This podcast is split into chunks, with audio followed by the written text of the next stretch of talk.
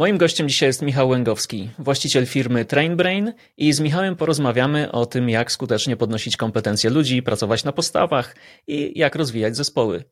Michał, zanim zanurzymy się w ten temat, u mnie jest takie standardowe i ikoniczne pytanie: skąd jesteś, dokąd zmierzasz i przede wszystkim za co płacą ci twoi klienci? To przede wszystkim dzień dobry wszystkim słuchaczom, e, czy widzom też i dzień dobry Maćku. Bardzo Ci dziękuję za zaproszenie do Twojego podcastu. E, szczególnie, że oglądałem sobie wcześniejsze odcinki, publikacje i wiem, że pytania, które zadajesz, są bardzo nurtujące i głębokie.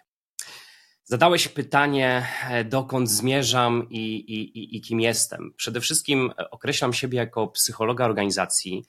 Kończyłem studia psychologiczne oraz studia z zarządzania Robiłem też studia podyplomowe z zakresu HR Business Partneringu, dlatego łącząc, e, powiem tak, dziedzinę HR-ową, psychologiczną i organizacyjną, związaną stricte z rozwojem kompetencji menedżerskich czy miękkich, interpersonalnych, komunikacyjnych, związanych z tym, jak budujemy relacje z innymi ludźmi, to pracuję jako e, trener, coach i zarządzam właśnie zespołem trenerskim w firmie TrainBrain, firmie szkoleniowo-doradczej, naszej firmie konsultingowej, w której bardzo mocno naciskamy na to, żeby budować relacje partnerskie z naszymi klientami, co służy temu, że klienci, którzy pozostają z nami w stałym kontakcie i których zdobyliśmy zaufanie, dzwonią do nas z każdą sprawą, kiedy potrzebują jakiejś konsultacji, nie tylko szkolenia, bo wiedzą e, dobrze, o co, o co będziesz pewnie dzisiaj pytał mnie zresztą, e, bo zajmujemy się stricte prowadzeniem procesów rozwojowych, a nie tylko i wyłącznie pojedynczych warsztatów.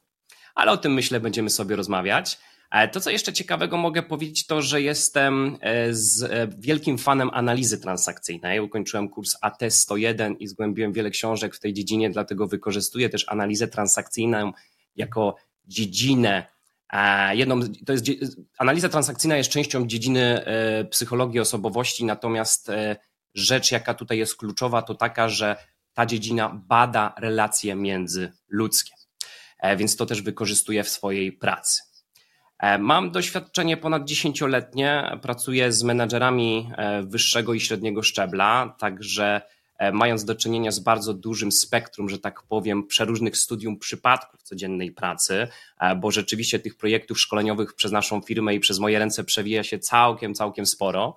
E, to dzięki temu, że mam okazję pracować przy, przy różnych projektach, zaglądać do różnych programów, weryfikować też, jak te programy wyglądają, to całkiem spore jest już to know-how w zakresie tego, jak to powinno się robić. No i też e, mam przyjemność z Tobą, Maćku, współpracować, bo pracujesz też z naszym zespołem TrainBrain i, i w projektach razem, które realizujemy z Małgosią Podelecką w zakresie Frisa. Także tym bardziej mi miło, że mogę dzisiaj z Tobą porozmawiać. Mnie również wielkie dzięki za przyjęcie zaproszenia i że zgodziłeś się podzielić swoją perspektywą, bo e, informacja dla naszych widzek, widzów, słuchaczek i słuchaczy jest taka, że ta rozmowa będzie się składała ze stricte dwóch części. Najpierw sobie wskoczymy do branży rozwojowo-doradczej, szkoleniowej, bo z chęcią e, poznam Twoją perspektywę e, jako człowieka, który prowadzi firmę właśnie w tym obszarze. Mm, a drugi, drugi obszar naszej rozmowy to będzie właśnie rozwijanie zespołów, y, pomaganie ludziom w pracy na postawach i tutaj pewnie porozmawiamy już o stricte takich rozwojowych rzeczach, ale najpierw trochę o biznesie. Bo... Jeszcze zanim przejdziemy do rzeczy, no. pozwolisz, że wtrącę, bo zapomniałem o tym wtrącić. Przecież od maja też jestem prowadzącym, tak jak ty. E, zresztą skorzystałem od ciebie z paru wskazówek e, wideocastu kompetencyjnie. Także jesteśmy na YouTube lub na popularnych platformach podcastowych. Można posłuchać, co mam do powiedzenia na temat kompetencji. Jako TrainBrain, jako zespół robimy też e, live na bieżąco na YouTubie. Tych live'ów już od maja odbyło się chyba z 8, 9, także jest z czego wybierać i co oglądać. Ja zdecydowanie polecam bardzo wartościowe treści i zrobione na wysokim poziomie jakości, więc szacunecz, szacuneczek dla Ciebie i dla ekipy, która stoi za, za tym przedsięwzięciem. No a wracając, e, Michał, wejdźmy na chwilę do biznesu, do biznesu, jakim jest branża e, rozwojowo-doradcza, szkoleniowa. Tak. Co człowiek to jakaś opinia o tym świecie. Nieczęsto a raczej nierzadko negatywna, że to e, nie zawsze są usługi najwyższych lotów, że mamy do czynienia z różnego rodzaju e, trenerami, którzy niekoniecznie dostarczają wartość, ale robią efekt wow, a potem biznes mhm. nie wie, co z tym dalej zrobić. E, I za chwilę też Cię o to zapytam, ale to, co mnie tak na początku mhm. nurtuje, to trzy lata temu mierzyliśmy się z pandemią, Rok temu rozpoczęła się wojna i wiem od ludzi, którzy siedzą wszystkimi kończynami w branży szkoleniowej, że oba te, oba te wydarzenia miały jakiś wpływ na branżę, przynajmniej z ich perspektywy. A ciekaw jestem Twojej optyki. Jak Ty postrzegasz te ostatnie trzy lata? To są lata, że tak powiem, złoty okres dla firm szkoleniowych, czy raczej jakaś walka o przetrwanie, a może coś jeszcze innego? Myślę, że dla wszystkich to był okres bardzo dużych zmian, nie tylko dla naszej branży. Ja mam taką śmieszną historię, że w okresie, mm, w czasie, kiedy pandemia się zaczęła, jeden z moich pracowników chciał wziąć, chciał wziąć kredyt. Niestety bank mu odmówił ze względu na to, że zaklasyfikowano naszą branżę jako ryzykowną w tamtym okresie. I rzeczywiście na przykład branża eventowa bardzo e, dostała po tyłku i, i, i widać to było, że bardzo dużo firm e, takich upadło. Wiele firm szkoleniowych, też takich wydmuszek, e, które organizowały szkolenia powiedziałbym na przykład w bardzo dużej mierze dofinansowane, kiedy to wszystko stanęło, jeśli chodzi o warsztaty stacjonarne, szkolenia stacjonarne, to też niestety się zablokowali. Ja pamiętam ten dzień, e, to był marzec, kiedy przyszła informacja, nagle dostałem SMS-a, słuchaj Michał, e, Polska się zamyka, ta pandemia to chyba na serio. E, nagle patrzę na maila, a byłem wtedy w, w Marrakeszu, nie w Marrakeszu, w Agadirze, czyli w Maroko i patrzę na tego maila i nagle się okazuje, że kolejne, kolejne terminy, będąc na wakacjach, są odwoływane. No więc, e, że tak powiem, pot ściekał mi po twarzy, ale szybko zareagowaliśmy na tą sytuację i zaczęliśmy od tego, e, tutaj z koleżankami z zespołu, z Kamilą Pępiak-Kowalską i Agnieszką Marudą, które serdecznie pozdrawiam, e, żeby wdrożyć na szybko webinaria z zakresu stresu, lęku i emocji, bo spodziewaliśmy się bardzo dużego zapotrzebowania na tego typu rozwiązania. No i to był strzał w dziesiątkę, bo rzeczywiście sporo zamówień tego typu spłynęło. Natomiast dla nas najciekawsze było to, że w trakcie pandemii firmy chciały wykorzystać okazję, że pracownicy siedzą w domach, tak? I że jest przestrzeń do tego, żeby zagospodarować ich czas na różnego rodzaju e, kwestie rozwojowe, które zazwyczaj leżały odłogiem, e, to wbrew pozorom paradoksalnie ułatwiło nam to pracę, bo tych projektów było całkiem sporo. Kolejna rzecz, która mi spadła jak manna z nieba, no ni niestety muszę do tego się przyznać, to jest to, że ja przed pandemią co najmniej dwa razy w miesiącu jeździłem do Warszawy na spotkania z klientami. Mhm. Wyobraź sobie Maciek, że e, to było tak, że klienci chcieli się spotykać fizycznie, koniec, kropka. I oczekiwania były takie, że jeśli chcesz ten projekt, przyjedź do Warszawy. Ja jestem z Poznania, tak w ogóle, także pozdrawiam też poznaniaków. E, musisz przyjechać, żeby coś załatwić. Nagle, jak wybuchła pandemia, okazało się, że wszystko można załatwiać online i tak jest do dziś. Co mnie bardzo cieszy, bo to znacznie ułatwia e, wszelkiego rodzaju rozmowy do, to, toczące się na etapie sprzedaży projektu czy uzgadniania szczegółów tego, jak ma to wyglądać. E, ostatnia e, rzecz, ostatni etap, powiedziałbym, odpowiedzi na Twoje pytanie, to jest to, co wydarzyło się po pandemii. Rozmawiałem z paroma przedsiębiorcami, osobami prowadzącymi też firmy szkoleniowe, czy z trenerami, freelancerami pracującymi na rynku i rzeczywiście w ostatnim roku jest zauważalny spadek. Zeszły rok powiedziałbym tak, to było Eldorado, jeśli chodzi o wyniki naszej firmy. Osiągnęliśmy przychody na poziomie półtora miliona, e, Także jak na firmę szkoleniową są to bardzo dobre wyniki. Jak sobie wystarczy podzielić, że tak naprawdę tych szkoleń było prawie, prawie codziennie, żeby taki wynik osiągnąć. E, w tym roku mamy drastyczny spadek, także e, ta pandemia, powiedziałbym, dopadła nas w tym momencie, jeśli chodzi o ten spadek. Także robimy co możemy, e, żeby, jakby to powiedzieć, zaopiekować się naszymi klientami, którzy są cały czas z nami i, i pozyskujemy projekty na bieżąco. Dzięki wielkie Michał, szczególnie za ten konkret o, o przychodach i e, jeśli dobrze wyłapałem, prawie codziennie ktoś z twojej ekipy albo z trenerów współpracujących jest na sali? Tak było w zeszłym roku. Tak A, w zeszłym, w zeszłym roku. roku. W tym roku nie jest już tak pięknie niestety, ale w zeszłym roku rzeczywiście było tak, że mało kiedy był dzień, albo inaczej, było tak, że na przykład we wtorek było czterech trenerów na sali, czy czterech trenerów jednocześnie prowadziło webinarium, czy jakieś warsztaty online, tak? Więc sumarycznie po prostu w mhm. ciągu roku było tego ponad 365 wydarzeń, które zorganizowaliśmy. Także naprawdę całkiem sporo. ogromna liczba. E, to jak o tym mówisz, e, gdybyśmy mieli zejść trochę głębiej, bo przetrwaliście mhm. pandemię, przetrwaliście wojnę, e, było Eldorado, teraz jest jakaś sytuacja, z którą, e, której nie możesz już tak nazwać, ale prawdopodobnie e, nie nazwałbyś jej w jakiś tragiczny sposób, tak sobie to wyobrażam, przynajmniej obserwując rynek z własnej perspektywy mhm. i wiedząc też, co dostarczacie, to według Ciebie co świadczy o tym, że mm, ogarniacie swoją kuwetę? co ogarniamy, co sprawia, że ogarniamy swoją kuwetę. Wiesz co? Myślę, że to, co klienci powtarzają nam najczęściej, mhm. że e, widzą w nas partnera biznesowego, a nie tylko dostawcę usług szkoleniowych. To po pierwsze. I to się bardzo wiąże z mindsetem, e, który próbuję e, kreować czy przekazywać e, z trenerami, którzy pracują w naszym zespole, tak? Dotyczący tego, że ja nie chcę pracować tylko z trenerami. Ja mhm. chcę pracować z konsultantami ludźmi, którzy rzeczywiście potrafią się zaopiekować klientem, zauważyć wąskie gardła, przeprowadzić proces rozwojowy, a nie tylko proces grupowy w pewien sposób, tak? Którzy są w stanie dać e, klientowi pewien insight i naprawdę głęboko zajrzeć, e, korzystając oczywiście z pomocy całego, całego back office'u, tak? Bo projektu nie realizują oczywiście trenerzy sami czy trenerki. Natomiast, żeby e, rzeczywiście jako konsultant spojrzeć głębiej i zauważyć, gdzie boli, nad czym trzeba popracować i czego klient rzeczywiście potrzebuje. Jak Kolejna wchodzę, sprawa to jest, tak? Jak wchodzę do firmy, właśnie w, do, do jakiejś organizacji, zapraszam mnie w roli konsultanta, to jak właśnie widzę, gdzie boli, to tam dociskam najmocniej, bo to jest to miejsce, na którym się zdecydowanie trzeba pochylić. I chciałem, chciałbym tylko podkreślić, że to, co mówisz, jest bardzo wartościowe też z mojej perspektywy, bo oddaje to, co się teraz na przykład dzieje w branży technologicznej. Bo w branży technologicznej mhm. klienci też już nie chcą y, firmy programistycznej tylko i wyłącznie. Mhm. Klienci chcą, żeby przyszedł konsultant i trochę powiedział im, jak mogą żyć lepiej e, i przy okazji rozwiązał problem albo dał e, narzędzia. Mhm. Mm, I żeby ta opieka była bardziej holistyczna, a jednocześnie pogłębiona i wynikająca z backgroundu tej osoby e, i z efektu synergii, który tylko konsultant może dostarczyć. Ale klient musi wtedy być, że tak powiem, uważny i chcieć tego słuchać. Ale wciąłem ci się, bo słyszałem, że masz jeszcze jedną myśl, więc proszę dokończ. Wiesz co, myśli mam bardzo wiele, bo mógłbym tutaj przez godzinę tak naprawdę odpowiadać tylko na to pytanie.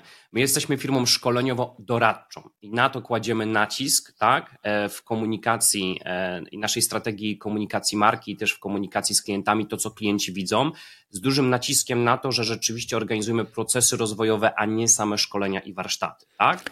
A odnośnie tego, e, tej naszej kuwety, to powiem Ci jeszcze na przykład, bo wspomniałem o trenerach, e, konsultantach, e, to mamy regularnie interwizje, które organizowane są dla trenerów. Tak? Staramy się, żeby co trzy miesiące spotkać się w gronie trenerskim, popracować nad jakimś bieżącym ważnym tematem, który dotyczy nas wszystkich i przy okazji przerobić jakieś studium przypadku. Także regularnie się spotkamy, spotykamy na interwizjach, żeby pracować też ze sobą.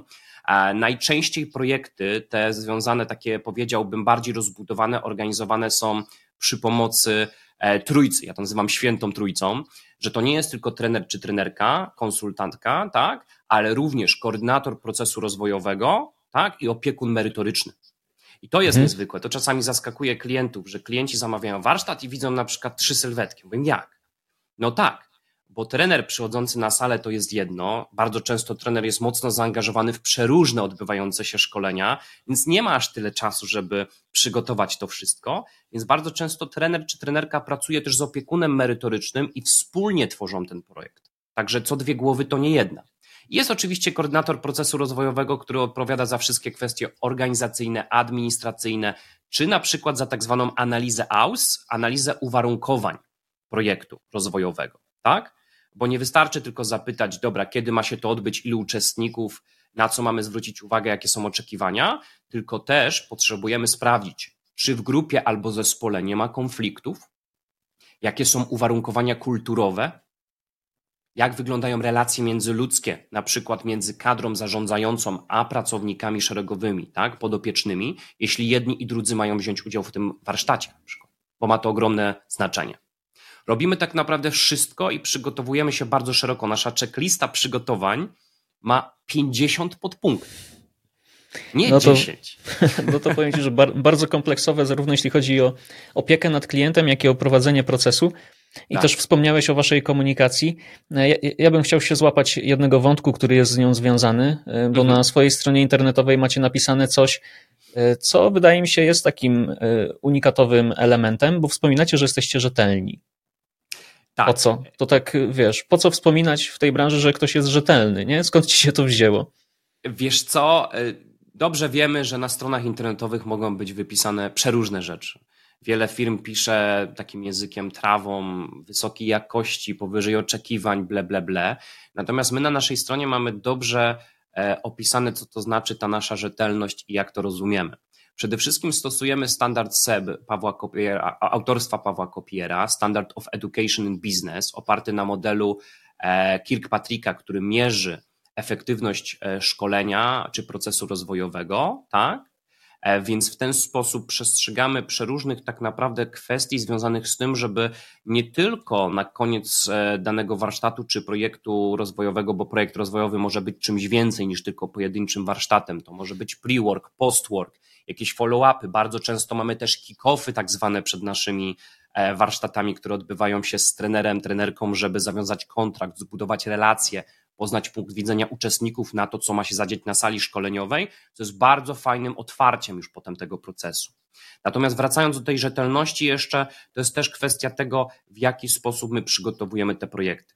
Są klienci, którzy trafiają do nas z prośbą o przygotowanie, przygotowanie warsztatu ASAP, że tak powiem, as fast as possible. Niestety, e, część naszych e, zleceń to też jest tego typu. Natomiast staramy się bardzo mocno edukować naszych klientów w zakresie tego, jak powinno się to zorganizować. Że identyfikacja potrzeb szkoleniowych to nie jest to samo co analiza potrzeb szkoleniowych, bo analizę może dokonać firma szkoleniowa, ale identyfikować też e, te kompetencje, które mają być rozwijane, powinna już firma. Więc jeśli jesteśmy firmą w sensie doradczą, klient. E, tak, w sensie klient w sensie identyfikuje. Klient. Mhm. Tak. E, wiesz, Zależy od wielkości firmy. Firmy mają HR w sektorze MŚP, często nie ma takich zasobów, natomiast przy dużych firmach tworzy się różnego rodzaju narzędzia ku temu, matryce kompetencji, ścieżki rozwoju, tak?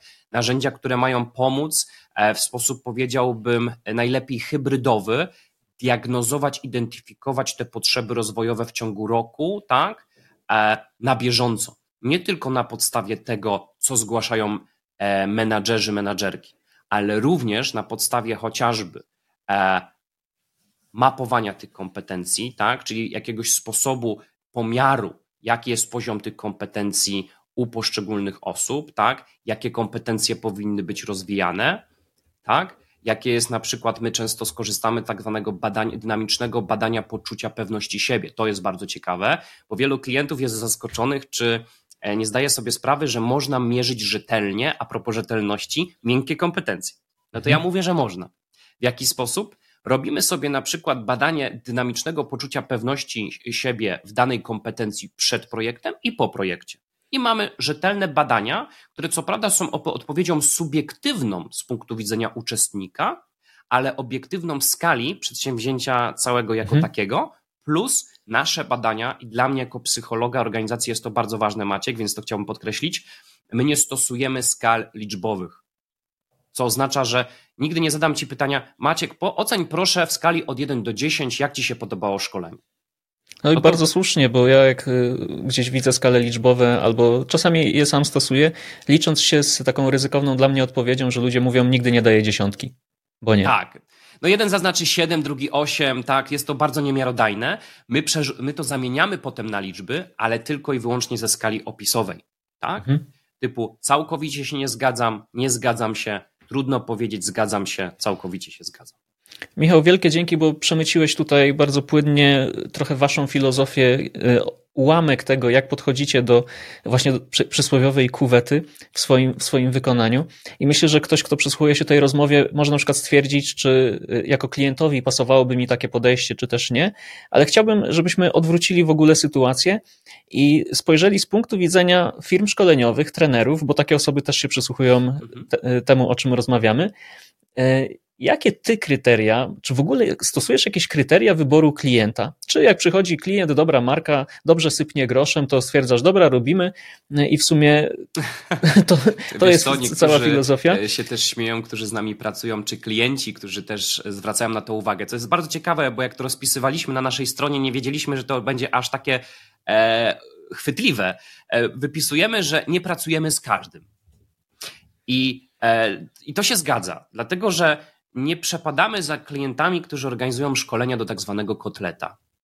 Tak się wyrażę. Czyli Panie Michale, Panie Maćku, no robimy tam e, imprezę integracyjną w piątek, jakbyście mogli takie szkolonko zrobić w sobotę. A ja się pytam, z czego?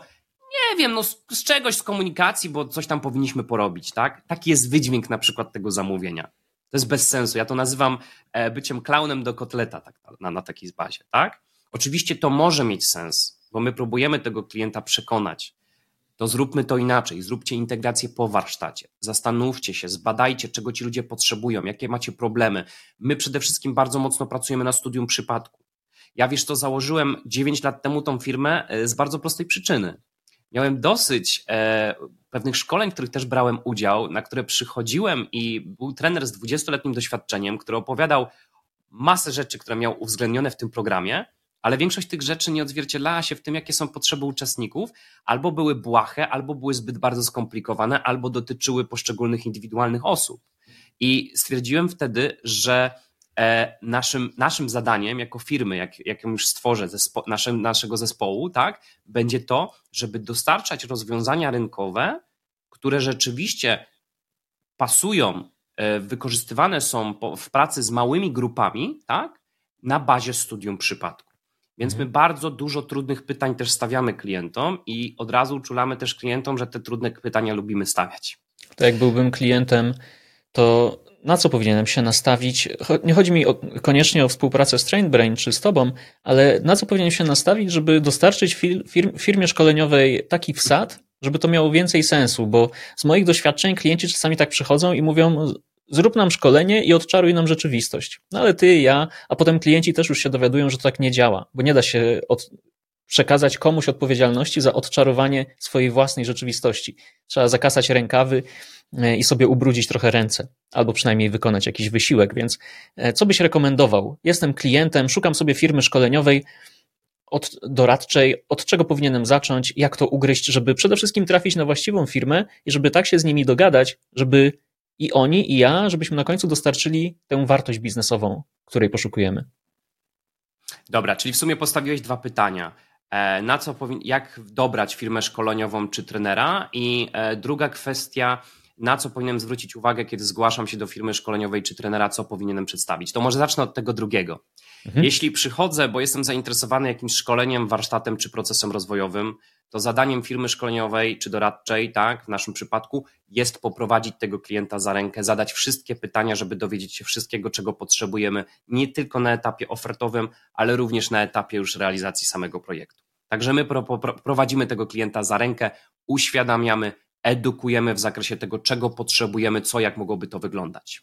Jedyne, na co zwróciłbym uwagę, koniecznie, drogi kliencie, jeśli nas słuchasz, to zapraszamy, żeby zgłosić się z daną potrzebą albo wątkiem dużo wcześniej. Najgorsze, co można robić, to łapu capu, tak, na szybko po prostu kleić projekt, bo już się czas kończy, bo trzeba wykorzystać budżet do końca roku. Niestety co roku przerabiamy ten sam problem. Wielu klientów się zgłasza z niewykorzystanym budżetem albo E, kiedy na przykład jest jakaś potrzeba rozwojowa, jest mm, maj, a klient chce to zrobić jeszcze przed okresem wakacyjno-urlopowym. To gdzie my mamy wcisnąć te wszystkie przygotowania? Całą mhm. resztę to my sobie ogarniemy, poprowadzimy klienta, zrobimy wywiady pogłębione, badania kwestionariuszowe, badania psychometryczne. Wszystkiego, wszystko możemy sobie poukładać, co tam byśmy nie chcieli. Oczywiście w miarę możliwości budżetowych. Natomiast przede wszystkim potrzebujemy klienta, który przychodzi, że tak powiem, e, zawczasu, tak? jest świadomy mniej więcej, czego potrzebuje. Jeśli nie jest świadomy, to my oczywiście będziemy to badać, pomożemy. Natomiast jakikolwiek zarys e, jest przydatny, bo wracając jeszcze do wcześniejszej kwestii, nie pracujemy z klientami do kotleta, ale nie pracujemy też z klientami, e, którzy, że tak powiem, e, robią konkurs piękności. Jeśli zgłasza się klient, który robi konkurs piękności, ja tutaj nie mówię o kwestii, e, Maciek, e, tego, że klient zbiera na przykład dwa, trzy zapytania ofertowe, bo to jest absolutnie bardzo dobre. Ja polecam zresztą, mówię to otwarcie, nie, nie brać oferty tylko od jednej firmy, tylko od kilku, e, żeby porównać, tak? Zawsze powinniśmy tak robić. Natomiast konkurs piękności polega na przykład na tym, że ktoś seguruje się ceną. Dostajemy często zapytania na przykład od ZUS-u, na szkolenia. Zresztą trzy dni temu przyszło do nas jedno takie zapytanie i na przykład jest, że 75% decyzji zależy od ceny. No my nie bierzemy udziału w takich przetargach ani w takich konkursach piękności. Wracając natomiast do Twojego pytania, bo trochę odpłynąłem. E, druga część Twojego pytania była, mm, na co zwrócić uwagę, wybierając trenera i firmę szkoleniową. Przede wszystkim e, zacznijmy od rozróżnienia firmy szkoleniowej od trenera freelancera. Nie ma co ukrywać, że trener freelancer jest rozwiązaniem tańszym. Tak? Bardzo często jest też sytuacja taka, ale to jest trochę mit, że trenerowi e, freelancerowi będzie bardziej zależeć, dlatego że e, organizuje to pod szyldem swojego nazwiska.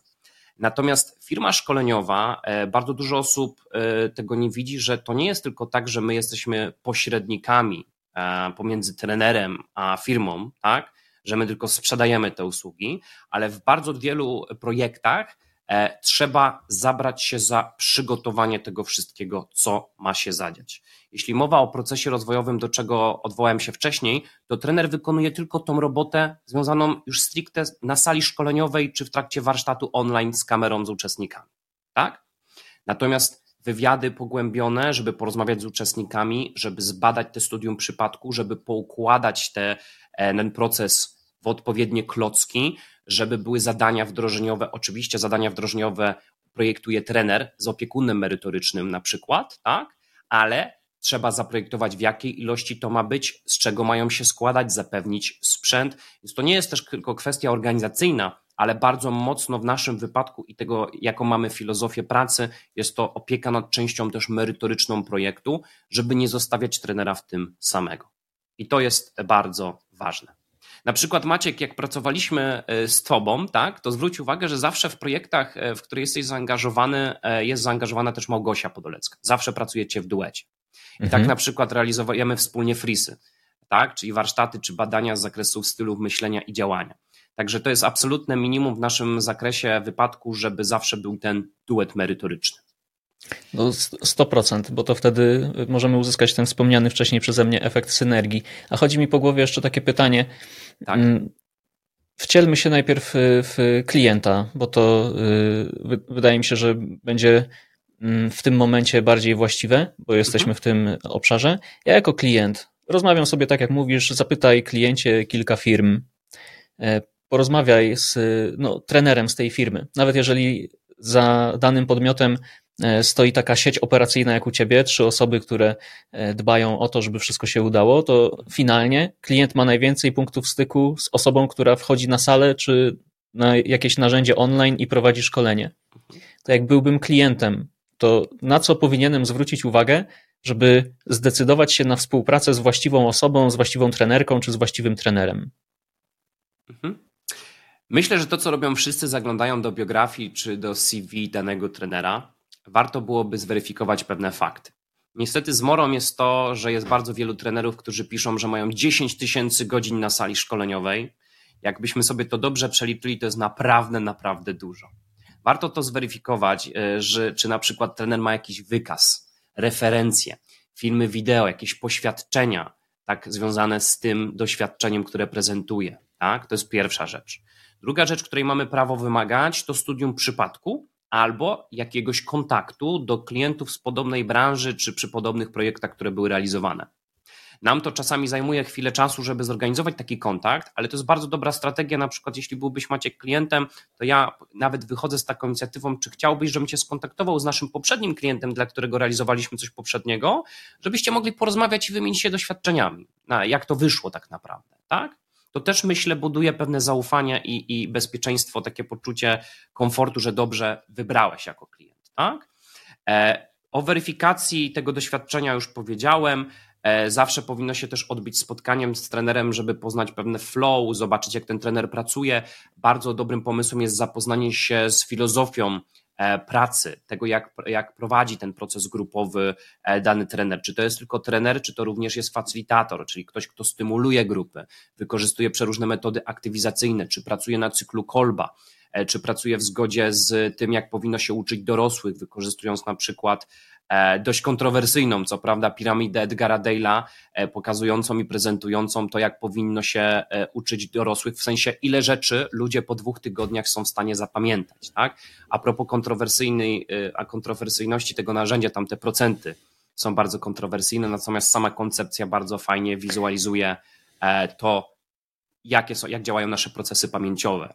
To jest, ten, to jest ten koncept, tylko wejdę ci w słowo, że tam zapamiętujemy, nie wiem, 80% tego, co y, człowiek mówi, coś tam jest z mową ciała też, to jest ten wątek? Czy A to, jest, to są w ogóle badania Mehrembaina pod tytułem to, to, tam, że y, y, odczytujemy jakiś tam procent, tak, Okej, okay, czyli coś połączyłem dwa w jedno. Mhm. Tak, to nie wchodźmy tak, w to. Tak. To sorry, nie tak, wchodźmy w to. Warto weryfikować w ogóle tego typu, bo piramida Edgara Dale'a jest często, często prezentowana z różnego rodzaju procentami, które niestety są e, że tak powiem. Ja, ja to powiem, z dupy. Tak, to chciałem powiedzieć dokładnie. I tak samo bardzo często badania Mehrembaina dotyczące mm, komunikacji niewerbalnej są powielane e, niestety i z dupy, tak jak to powiedziałeś, w wielu przypadkach e, przekazywane nieprawdziwe, bo Mehrembain mówił o badaniach dotyczących mimiki i ekspresji twarzy, a nie komunikacji niewerbalnej jako takiej. Ale wracając do tematu, co jeszcze powinienem sprawdzić mhm. jako klient w takim przypadku? Tak? E, przede wszystkim możemy zobaczyć, czy ten trener, tak, e, czy firma szkoleniowa e, posługuje się jakimś standardem. W naszym przypadku jest standard, no, standard of Education Business. Wystarczy zapytać na przykład trenera prowadzącego, czy w jaki sposób będzie e, mierzył na przykład e, efektywność tego procesu rozwojowego i bardzo szybko poznamy, czy mamy do czynienia tylko z takim trenerem, który przychodzi, zrobi szkolonko, wystawi fakturę do widzenia, czy rzeczywiście ten proces ewaluacyjny będzie przemyślany, że potem można na przykład udowodnić e, interesariuszom, tak, zarządowi, że rzeczywiście te kompetencje wzrosły. I nie chodzi tu tylko o an ankietę, ale na przykład czwarty poziom e, Kirkpatricka, tak? jaki wpływ miał proces rozwojowy czy warsztaty na osiągnięcie celów strategicznych czy wskaźników biznesowych, na przykład Roy Philipsa. Tak? Dla niektórych to jest czarna magia i nie wszyscy trenerzy oczywiście mają to, powinni to znać, natomiast ja bardzo często nawet pod ręką tutaj mam, pozwolę sobie sięgnąć. Śmiało. A widzisz, tak się akurat złożyło bo często do niej sięgam, to jest właśnie, e, nazywam to bardzo często naszą Biblią i polecam nie tylko dla trenerów, e, ekspertów branżowych, ale również HR-owców i klientów, którzy są odpowiedzialni za zarządzanie procesami szkoleniowymi, czy realizują politykę szkoleniową w firmie. To jest książka Pawła Kopiera, wydawnica Wolter Kluwer o zarządzaniu szkoleniami. Ona jest mhm. stosunkowo e, krótka, bo ma tam 170-180 stron, ale niech cię to nie zmyli, ona jest przeładowana wiedzą. To jeszcze, żeby y, wszyscy byli na tej samej stronie, mówiąc po anglosasku. Kirkpatrick mówi o czterech poziomach. Pierwszy to jest reakcja, czyli robimy sobie ankietę. Tak. I tutaj tylko uczulam na to, że ankieta poszkoleniowa, tak, powinna być oparta na badaniu opisowym, a nie tylko i wyłącznie jak ci się podobało, czy oceń w skali od 1 do 10. To jest pierwszy poziom Kirkpatricka. Badamy reakcję uczestników na to, co się zadziało albo po samym warsztacie czy szkoleniu, albo po jakimś cyklu tego, jakichś wydarzeń, na przykład e, cyklów sesji rozwojowych, które się odbyły. A e, możemy przejść przez e, pozostałe poziomy? Bo drugi to jest co? Wiedza, którą tak. nabyłem w trakcie? Tak. Drugi poziom to jest, czego się uczestnik nauczył, tak? I można wykorzystać tutaj pre-testy, post-testy w jakiś sposób, żeby zweryfikować, czy rzeczywiście ta osoba to wie, i trzeci poziom, przechodząc dalej, to jest czy potrafi, czy umie to wykorzystać, bo trzeci poziom e, opiera się na wykorzystaniu na swojej funkcji, na swoim stanowisku, tak, umiejętności, które rozwijałem na warsztacie. Czyli nie tylko badamy, jak się podobało, nie tylko sprawdzamy, czy ktoś już wie, ale również sprawdzamy, jak wykorzystuje to w swojej codziennej pracy. Mhm. No Czwarty i czwarte, poziom... wisienka, czyli postawa, o której wspomniałeś. Nie, nie, nie postawa, e, okay. kwestia, tak, bo każdy proces rozwojowy to rozwija, e, podnosi wiedzę, mhm. E, daje kwalifikacje, może powiedziałbym, podnosi umiejętności, kompetencje i uwaga, o tym się często zapomina, właśnie postawy, o których powiedziałeś, ale to nadal jest trzeci poziom Kirkpatricka, gdzie pracujemy na poziomie zmiany postaw pracowniczych. Czwarty poziom, o którym wspomniałeś, to jest poziom właśnie strategiczny wskaźników biznesowych. Organizacja, okej. Okay. Tak, i o tym się bardzo często zapomina. Ja bym na to bardzo chciał wszystkich wyczulić, że nie organizujemy szkoleń. Oczywiście jest, mamy, mamy takie coś, taką, takie kółeczko zawsze przy, typologii projektów szkoleniowych. Są szkolenia organizowane dlatego, że ktoś komuś coś obiecał, jest to forma nagrody. Tak? Są takie podnoszące klasy, kwalifikacje, e, czy na przykład kompetencje po prostu, bo firma stawia na rozwój, a są takie, które rozwiązują jakiś problem, a są takie, które są obligatoryjne pod kątem prawa, a są jeszcze takie, które organizowane są z braku laku, co już wspomniałem, z takimi klientami mhm. nie lubimy pracować, ale powody, dla których organizujemy szkolenia są różne a naszym powodem, do którego gorąco zachęcamy klientów i których próbujemy edukować w tym zakresie i nie powiem ci, powiem ci szczerze Maciek, zmieniać branżę też w ten sposób bardzo mocno, to jest to, żeby projekty szkoleniowe, które się odbywają, były oparte na czymś, co próbuje osiągnąć firma. Nie oszukujmy się, że każda firma, tak, jej celem, y, jakby koniec końców, jest zysk, zwiększanie przychodów, tak? Mhm. Pozyskiwanie tego, pozyskiwanie środków, którym potem dzięki temu wszyscy mogą e, mieć pieniądze na własne utrzymanie i pracować w tej firmie. W związku z tym, e, co firma osiągnie na poziomie, powiedziałbym już makro, z tego, że ten proces rozwojowy zostanie zorganizowany. I na przykład wskaźnik e, biznesowy, o którym już wspomniałem wcześniej, Roy Philipsa, pozwala określić, jaka jest rentowność tego projektu. Czyli ile nas to kosztowało, a ile żeśmy na tym zyskali. I często laicy, którzy nie mają zielonego pojęcia na temat tego, ile firma zyskuje, mogą pomyśleć: O Boże, szkolenie za 10 tysięcy złotych. Ale jak sobie przełożysz i zmierzysz to, jaki jest tak naprawdę przychód, co się poprawiło w zakresie tego projektu szkoleniowego, to głowa, głowa mała, że tak powiem, bo można takie rzeczy sprawdzić. 100% i tutaj myślę, że bardzo jednoznacznie wybrzmiewa, na co warto zwrócić uwagę, kiedy jestem klientem i szukam sobie firmy szkoleniowej czy właśnie szkoleniowo-doradczej, czy ten podmiot, ta organizacja będzie mówić do mnie tylko z punktu widzenia warsztatu czy procesu rozwojowego, który chcemy zrobić, czy jednocześnie zagają mnie albo będą chcieli wejść trochę w mój biznes, żeby go tym procesem uzdrowić, a nie tylko, tak jak powiedziałeś, zrobić sobie szkolenie dla samej idei szkolenia. I w tym. Tak, i, ostatni komentarz, jeszcze tylko pozwolisz, hmm. Maciek, że dodam. E, ja napisałem e-booka, ponad 80 stron całego know-how e, naszej firmy na, na, na to, jakie błędy popełniane są przez klientów firmy zamawiające szkolenia właśnie w procesach szkoleniowo-rozwojowych. I ten e-book znajduje się na naszej stronie na trainbrain.com.pl. E, tam można przy, kliknąć przycisk odbierz materiały u góry i tam jest naprawdę kupa mięsa i między innymi to, o co pytasz. Tam jest cała taka tabela porównawcza. Tam jest ponad 20 różnych pozycji w lewej kolumnie i prawej kolumnie, jaka jest różnica pomiędzy firmą szkoleniową a freelancerem z rynku. I różnica cenowa to jest tylko jeden z wielu aspektów. E, już wiem, że chcesz przejść do następnych pytań, także zachęcam i tam, e, żeby zajrzały wszystkie osoby, które są, chcą same sprawdzić, ile tych różnic jest. Podlinkujemy w opisie do tego odcinka, bo mam ostatnie pytanie w tej sekcji o firmach szkoleniowych, a będzie ono dotyczyło samych trenerów. No bo prowadzisz firmę, współpracujesz z kilkunastoma, z kilkudziesięcioma trenerkami i trenerami, jest tam już y, solidna ekipa. No i jesteś w, na tym rynku, albo przynajmniej prowadzisz firmę, z tego co powiedziałeś, od 9 lat. To już jest jakiś kawałek czasu. E, to jak ty weryfikujesz trenerów, z którymi współpracujesz? Po czym poznajesz, że to są ludzie, z którymi chcesz mieć coś do czynienia biznesowo albo nie tylko, a po czym poznajesz, że chcesz być jak najdalej od takich osób? Poza wyjątkami, e, w jakichś takich sytuacjach, gdzie klient naprawdę narzuca tempo, mamy pewną procedurę tego, jak weryfikujemy klientu, e, trenerów. Na ten moment mamy już taki zespół o tak szerokim kompetencjach, tak? Na przykład ciebie, Maciek i Małgosię z zakresu Frisa, tak? E, Agnieszkę Marudę od e, Rejsa, e, na przykład Aldonę Kłopską on Inside Discovery, z którą dzisiaj za chwilę po naszym, po naszym nagraniu będę o 12 prowadził live'a. Już niestety osoby, które nas słuchają czy oglądają, nie będą miały okazji obejrzeć live'a, ale będzie odtworzone wideo na YouTube. Natomiast mamy ułożoną procedurę, jak weryfikujemy trenerów.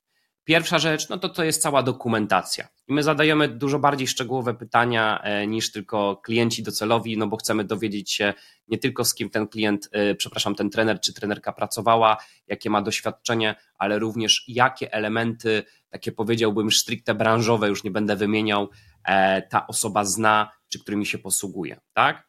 I to bardzo szybko widać. Druga rzecz, że prosimy o jakąś próbkę.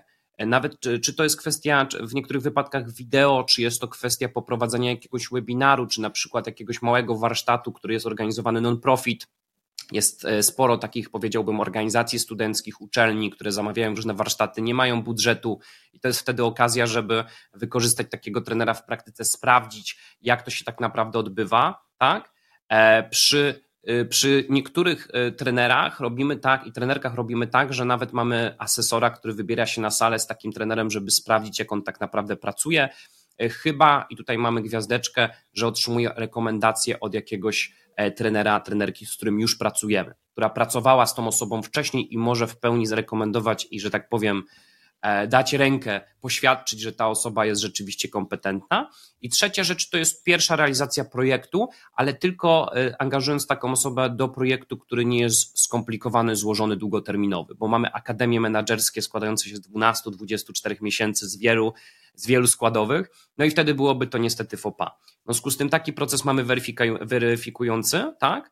Na ten moment pozyskujemy już tylko trenerów e, do poszczególnych projektów wymagających specyficznej specy specjalizacji, bo do wszystkich tematów związanych z przywództwem, e, z kompetencjami, które mamy wymienione na stronie w formie takiej inspiracji, bo o tym nie wspomniałem, nie mamy żadnych gotowców. Wszystkie mhm.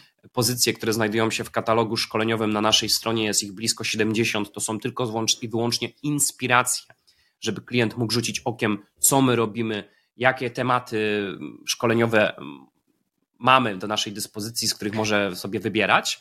To Natomiast poczekaj, każdy... bo, tak. bo wejdę. Tu ten proces jest tak rozbudowany, że w sumie, żeby go przejść, trzeba już być e, nieźle ob, obtrzaskanym w tej branży. Ja to tak rozumiem. Przynajmniej tak. na tym poziomie technicznym. A zwracasz uwagę na jakieś aspekty ludzkie? Coś ci, nie wiem, nos czasami podpowiada, że to jest osoba, z którą nie chcesz wejść e, w jakiś projekt. E, masz coś takiego, czy raczej na początku operujesz tylko na tych twardych danych i analizie tego, co człowiek wnosi, e, jaki bagaż ze sobą? Wiesz co, jestem analityczny, natomiast koleżanki z zespołu, na przykład Marta Wilgocka, z którą pracuję od stosunkowo niedawna, ma bardzo dobrego nosa właśnie do trenerów y, i do takiego flow, jak ta rozmowa przebiega. Tak? Więc na to też zwracamy jak najbardziej uwagę, czy jest rzeczywiście ta chemia, no bo ta chemia być musi. Są trenerzy, którzy mają zupełnie inne flow. Tak? E, na przykładzie Twoim Maćku oraz Małgosi macie zupełnie inny styl e, prowadzenia, więc jak idziecie razem na salę, to jest to mieszanka wybuchowa, powiedziałbym świetna w tym wypadku, bo bardzo dobrze równoważycie swoją energię i się uzupełniacie.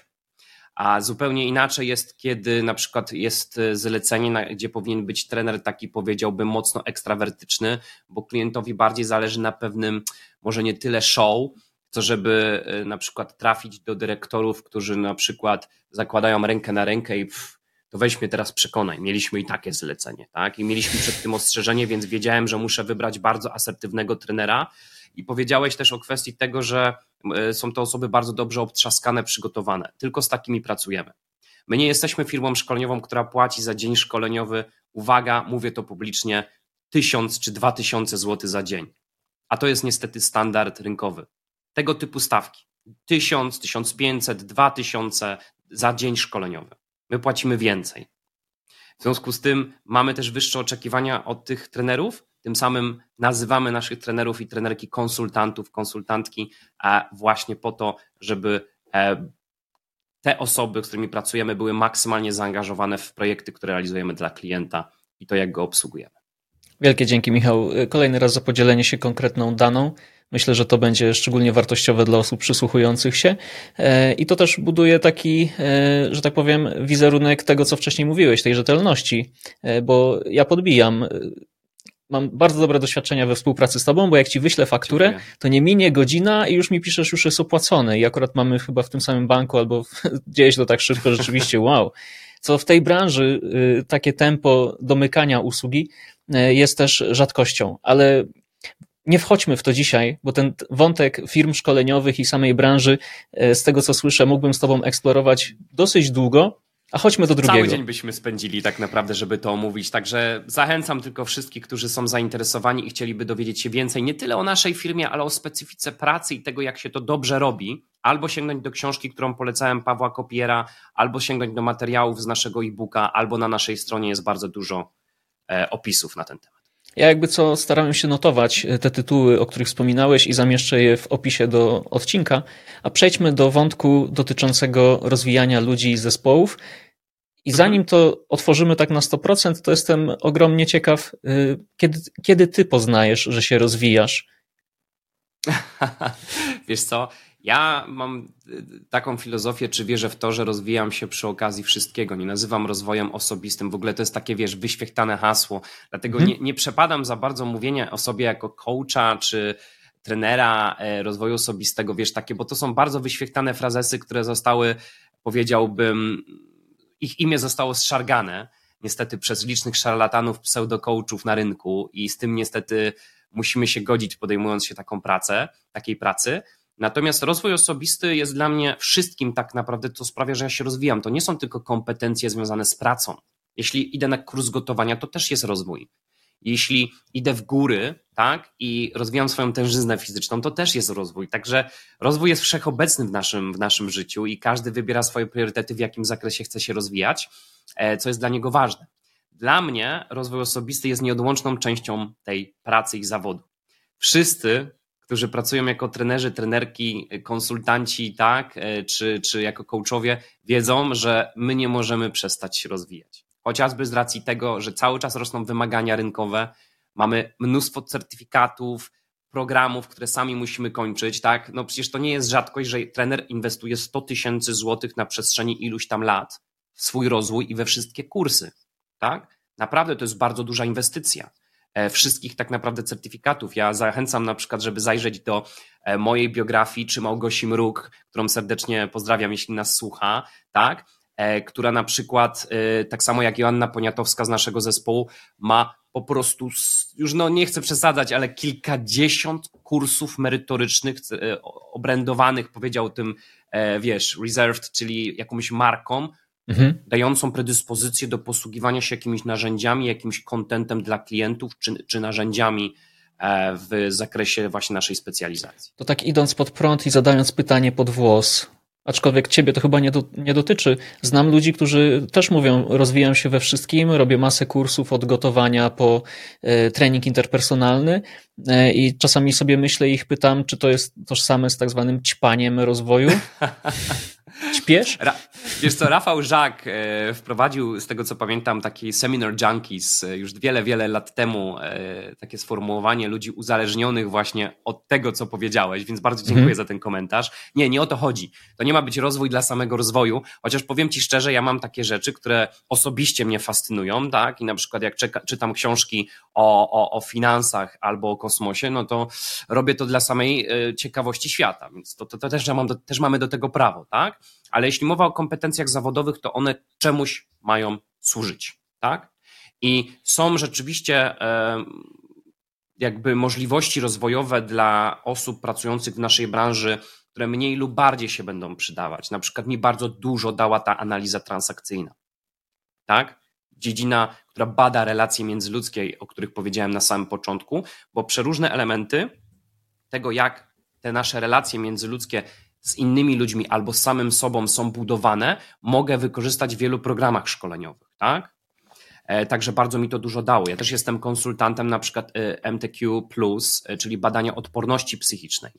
E, w tym tygodniu już miałem dwie sesje e, w zakresie jedną rekrutacyjną, jedną rozwojową, e, wykorzystaniem tego narzędzia. Więc jest to narzędzie, które bada naszą reakcję i to, jak zachowujemy się w sytuacjach, czy jak myślimy o sobie w sytuacjach, kiedy jesteśmy pod dużym stresem, presją mhm. albo napotykamy jakieś wyzwania.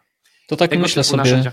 Tak. Y, myślę sobie o, o czymś takim, że ani ciebie, ani mnie nie trzeba przekonywać do tego, że warto się rozwijać na poziomie takim interpersonalnym czy intrapersonalnym, no, no, na poziomie swojego własnego rozwoju, o tak powiem to prościej. Nie wiem jak u ciebie, ja się spotykam z takimi mm, opiniami, że w, bardzo to zgeneralizuję jako frisowy wizjoner, że w organizacjach 9 na 10 y, osób nie chce chodzić na szkolenia z różnych powodów. Ciekaw jestem, jak ty podchodzisz do takiego stwierdzenia. Czy to w ogóle zauważasz, albo twoi, e, twoi współpracownicy, współtrenerzy? Mm, co ty o tym sądzisz, że w organizacjach ludzie się nie chcą szkolić z różnych powodów? Mhm. Może nie powiedziałbym, że to jest 9 na 10 przypadków, bo też bardzo dużo pracuję z branżą software i IT.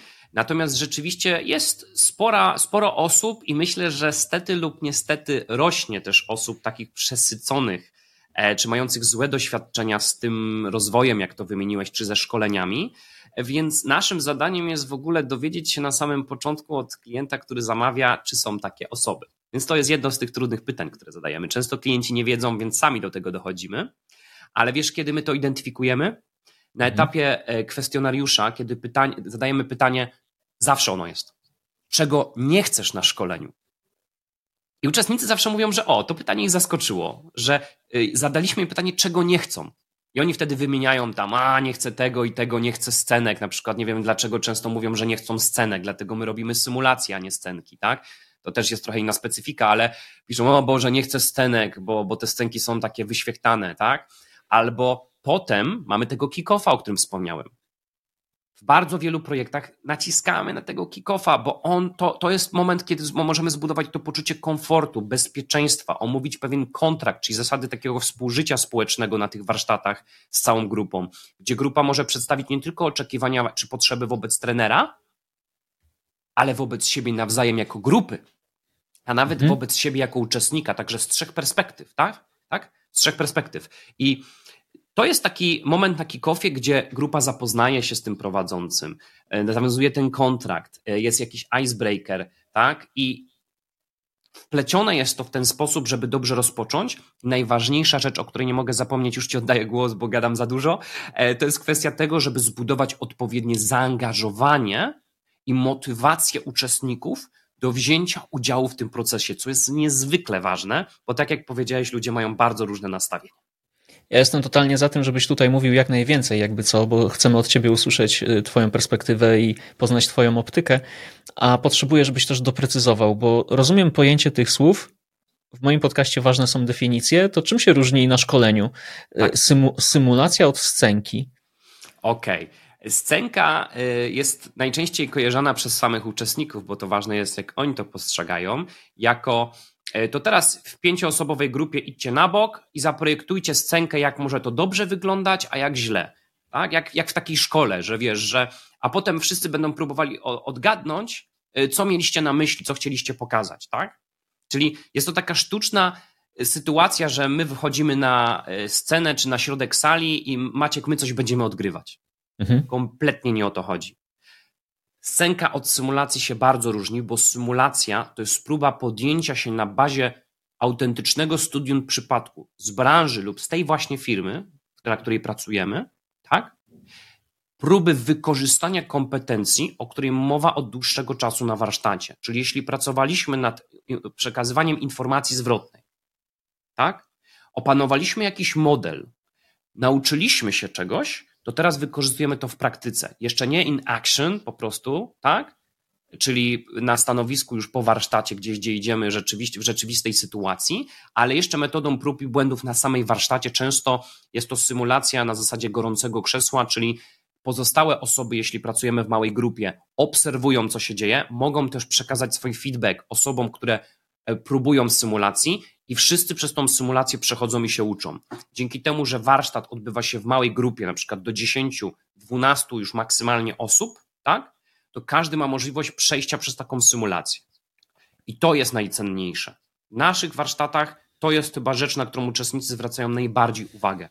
Symulacje, symulacje, symulacje oparte na prawdziwych studium przypadkach, przypadku, gdzie nie tylko mówimy o pewnej teorii, nie tylko robimy ćwiczenie praktyczne, ale potem jeszcze wychodzi cała masa wniosków na bazie właśnie już prawdziwych symulacji. I wiadomo, ja zawsze przestrzegam uczestników, tutaj macie taka gwiazdeczka, że nie bójmy się tego, że to wyjdzie sztucznie. To oczywiście, że jest tylko i wyłącznie symulacja, to nie ma nam pójść idealnie. Ma to nam zapaść w pamięć, żebyśmy nie tylko wiedzieli, ale również umieli. Kiedy przyjdzie E, sytuacja, że musimy to wykorzystać, żebyśmy mieli to z tyłu głowy i umieli to zastosować. Ja spotykam się też z takimi komentarzami, gdzie postawiłeś tą gwiazdkę, i wtedy zdarza mi się powiedzieć jedno albo drugie e, porównanie, czy też metaforę, w zależności od tego, czy mam do czynienia z ludźmi, którzy lubią się trochę odczepić od Ziemi, czy mam do czynienia z ludźmi, którzy są bardziej przy Ziemi. A metafora jest taka, że jak wysyłamy kosmonautów w kosmos, czy astronautów, E, to oni też najpierw siedzą w jakiejś komorze i coś symulują, po to, żeby sobie w tym kosmosie potem poradzić. Albo jak mamy y, boksera, y, który ma wejść na ring, żeby stoczyć jakąś walkę, to najpierw też robi sparingi. Sparing, no niby walka polega na tym samym co sparring, ale są tam dosyć kluczowe różnice. Jest to sztuczna sytuacja nadal, bo wiadomo, że sparring jest na 30-40%, a wiadomo, że jak wchodzi się na ring i nawet ma się super plan, to po pierwszym ciosie e, żaden plan już nie ma racji bytu. Bez tak... dwóch zdań wiedzą o tym wszyscy, którzy trenują, także nic no dodać, nic ująć. No właśnie, więc to tak y, uzupełnienie tej gwiazdki ode mnie. Dzięki Michał, że to doprecyzowałeś. To co powiesz na to, żebyśmy wzięli sobie na tapet case study? Wyobraźmy sobie, najpierw zbuduję case study i mam do niego trzy pytania, ale będę chciał, żebyśmy przeszli pytanie po pytaniu, po to, że y, jak skończymy, nasi odbiorcy będą mieć taki turbo konkret, jak sobie poradzić z owym case'em. A case jest taki. Mam dziesięcioosobowy zespół i chcę poprawić w nim umiejętności komunikacyjne, bo tak mi się wydaje, że jestem, że mam takie obserwacje, że moglibyśmy nad tym popracować i w sumie nasłuchałem się, że komunikacja jest najtrudniejszą rzeczą we wszechświecie, więc zawsze warto nad nią pracować. No i przychodzę z takim zapytaniem, ja jestem klientem, e, do ciebie jako do konsultanta e, z prośbą o to, żebyśmy ogarnęli ten proces. Ale ten pierwszy etap, który chcę wykonać, bo jestem tym świadomym klientem, to chcę się przygotować do rozmowy z Tobą. I wiem, że trochę rozmawialiśmy o tym w pierwszej części dotyczącej firm szkoleniowych, ale chcę to tutaj sprowadzić do tego konkretu, żeby nasi odbiorcy wyszli z takim e, poradnikiem, manualem, jak przejść przez ten proces. Więc mamy ekipę do przeszkolenia z komunikacji. Co ja, jako ten menedżer, mam zrobić przed rozmową z Tobą, żebym był do niej najlepiej przygotowany? No dobrze. Jeśli jako klient chcę się przygotować właściwie do tego, no to moim zadaniem jako menadżera, menadżerki jest dowiedzieć się, co się kryje pod tym słowem komunikacja.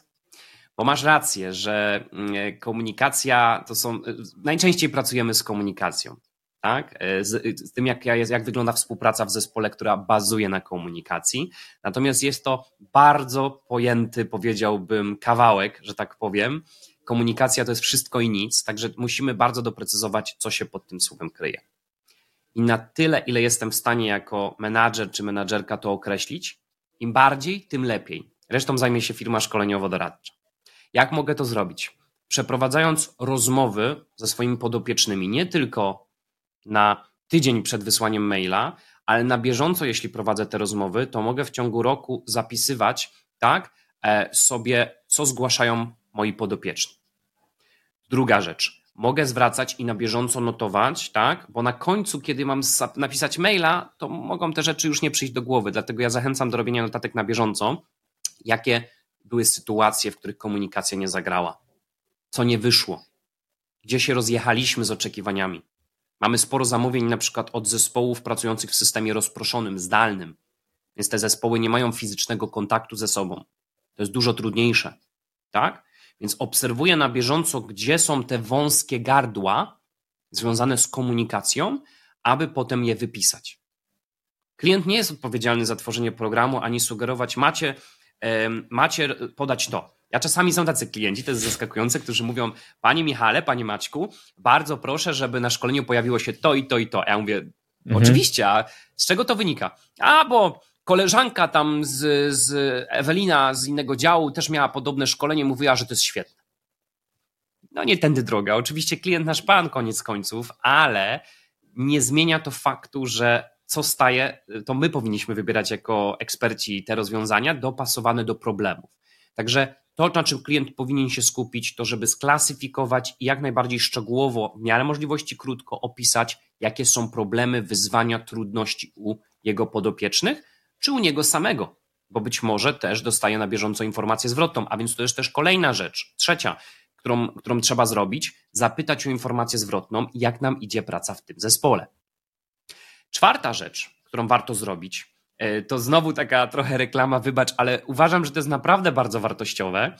Znowu na stronie TrainBrain e, w, w materiałach do pobrania e, mamy tak zwane narzędzie dla liderów dotyczące dysfunkcji zespołowych Patryka Lencioniego.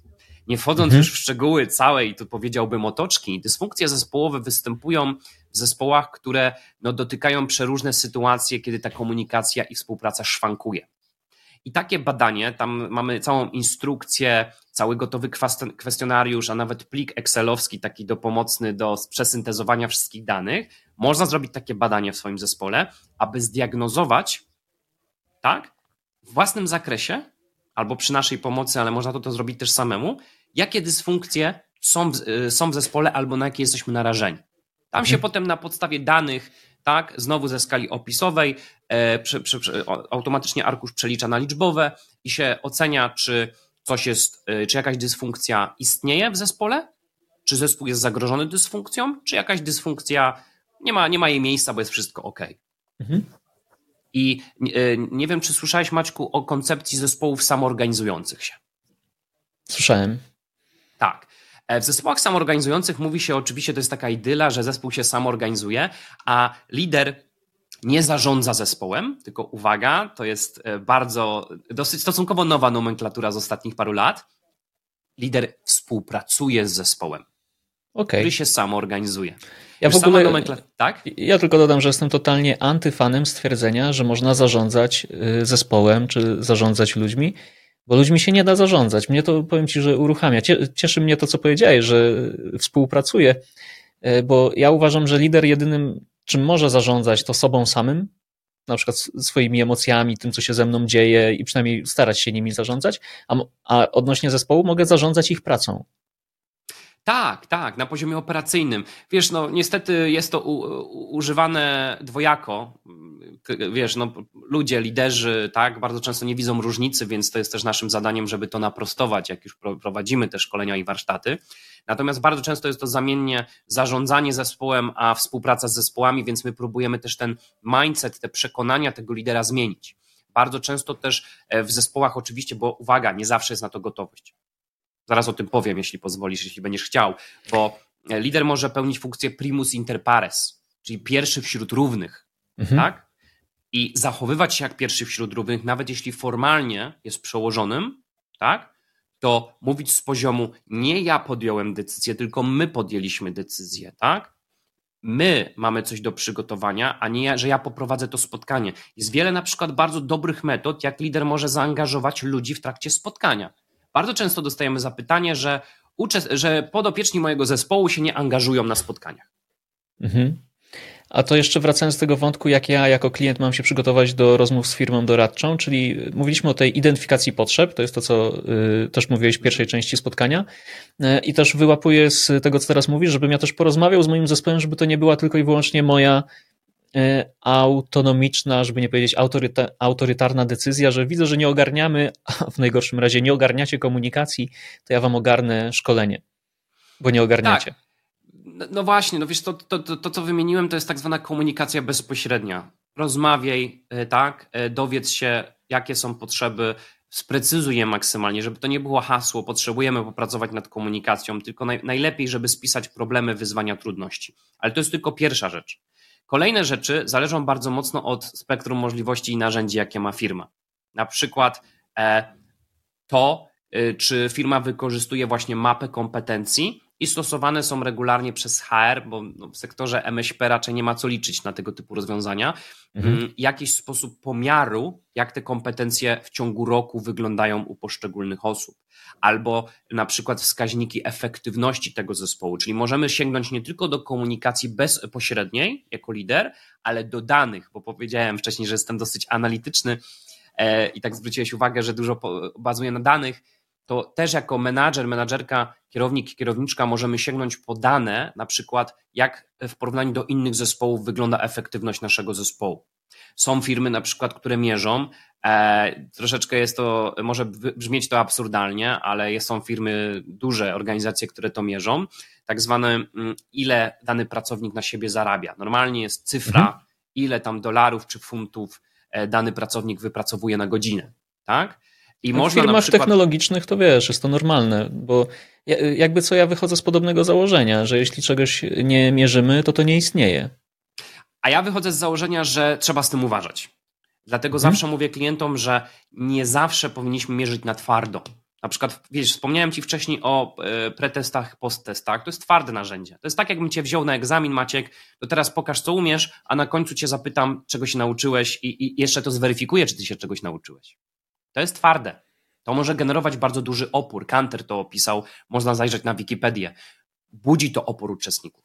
Ale jak zrobimy to na miękko, również mhm. uczciwie i rzetelnie, możemy zrobić to, pytając Cię, Maciek, o Twoje dynamiczne poczucie pewności siebie, o którym już opowiadałem, i jeszcze mogę sprawdzić, czy wdrożyłeś czy zadania, które y, zostały stworzone na podstawie tego programu, zadania wdrożeniowe, które sobie sam wyznaczyłeś albo z zespołem, rzeczywiście miały miejsce i do nich doszło.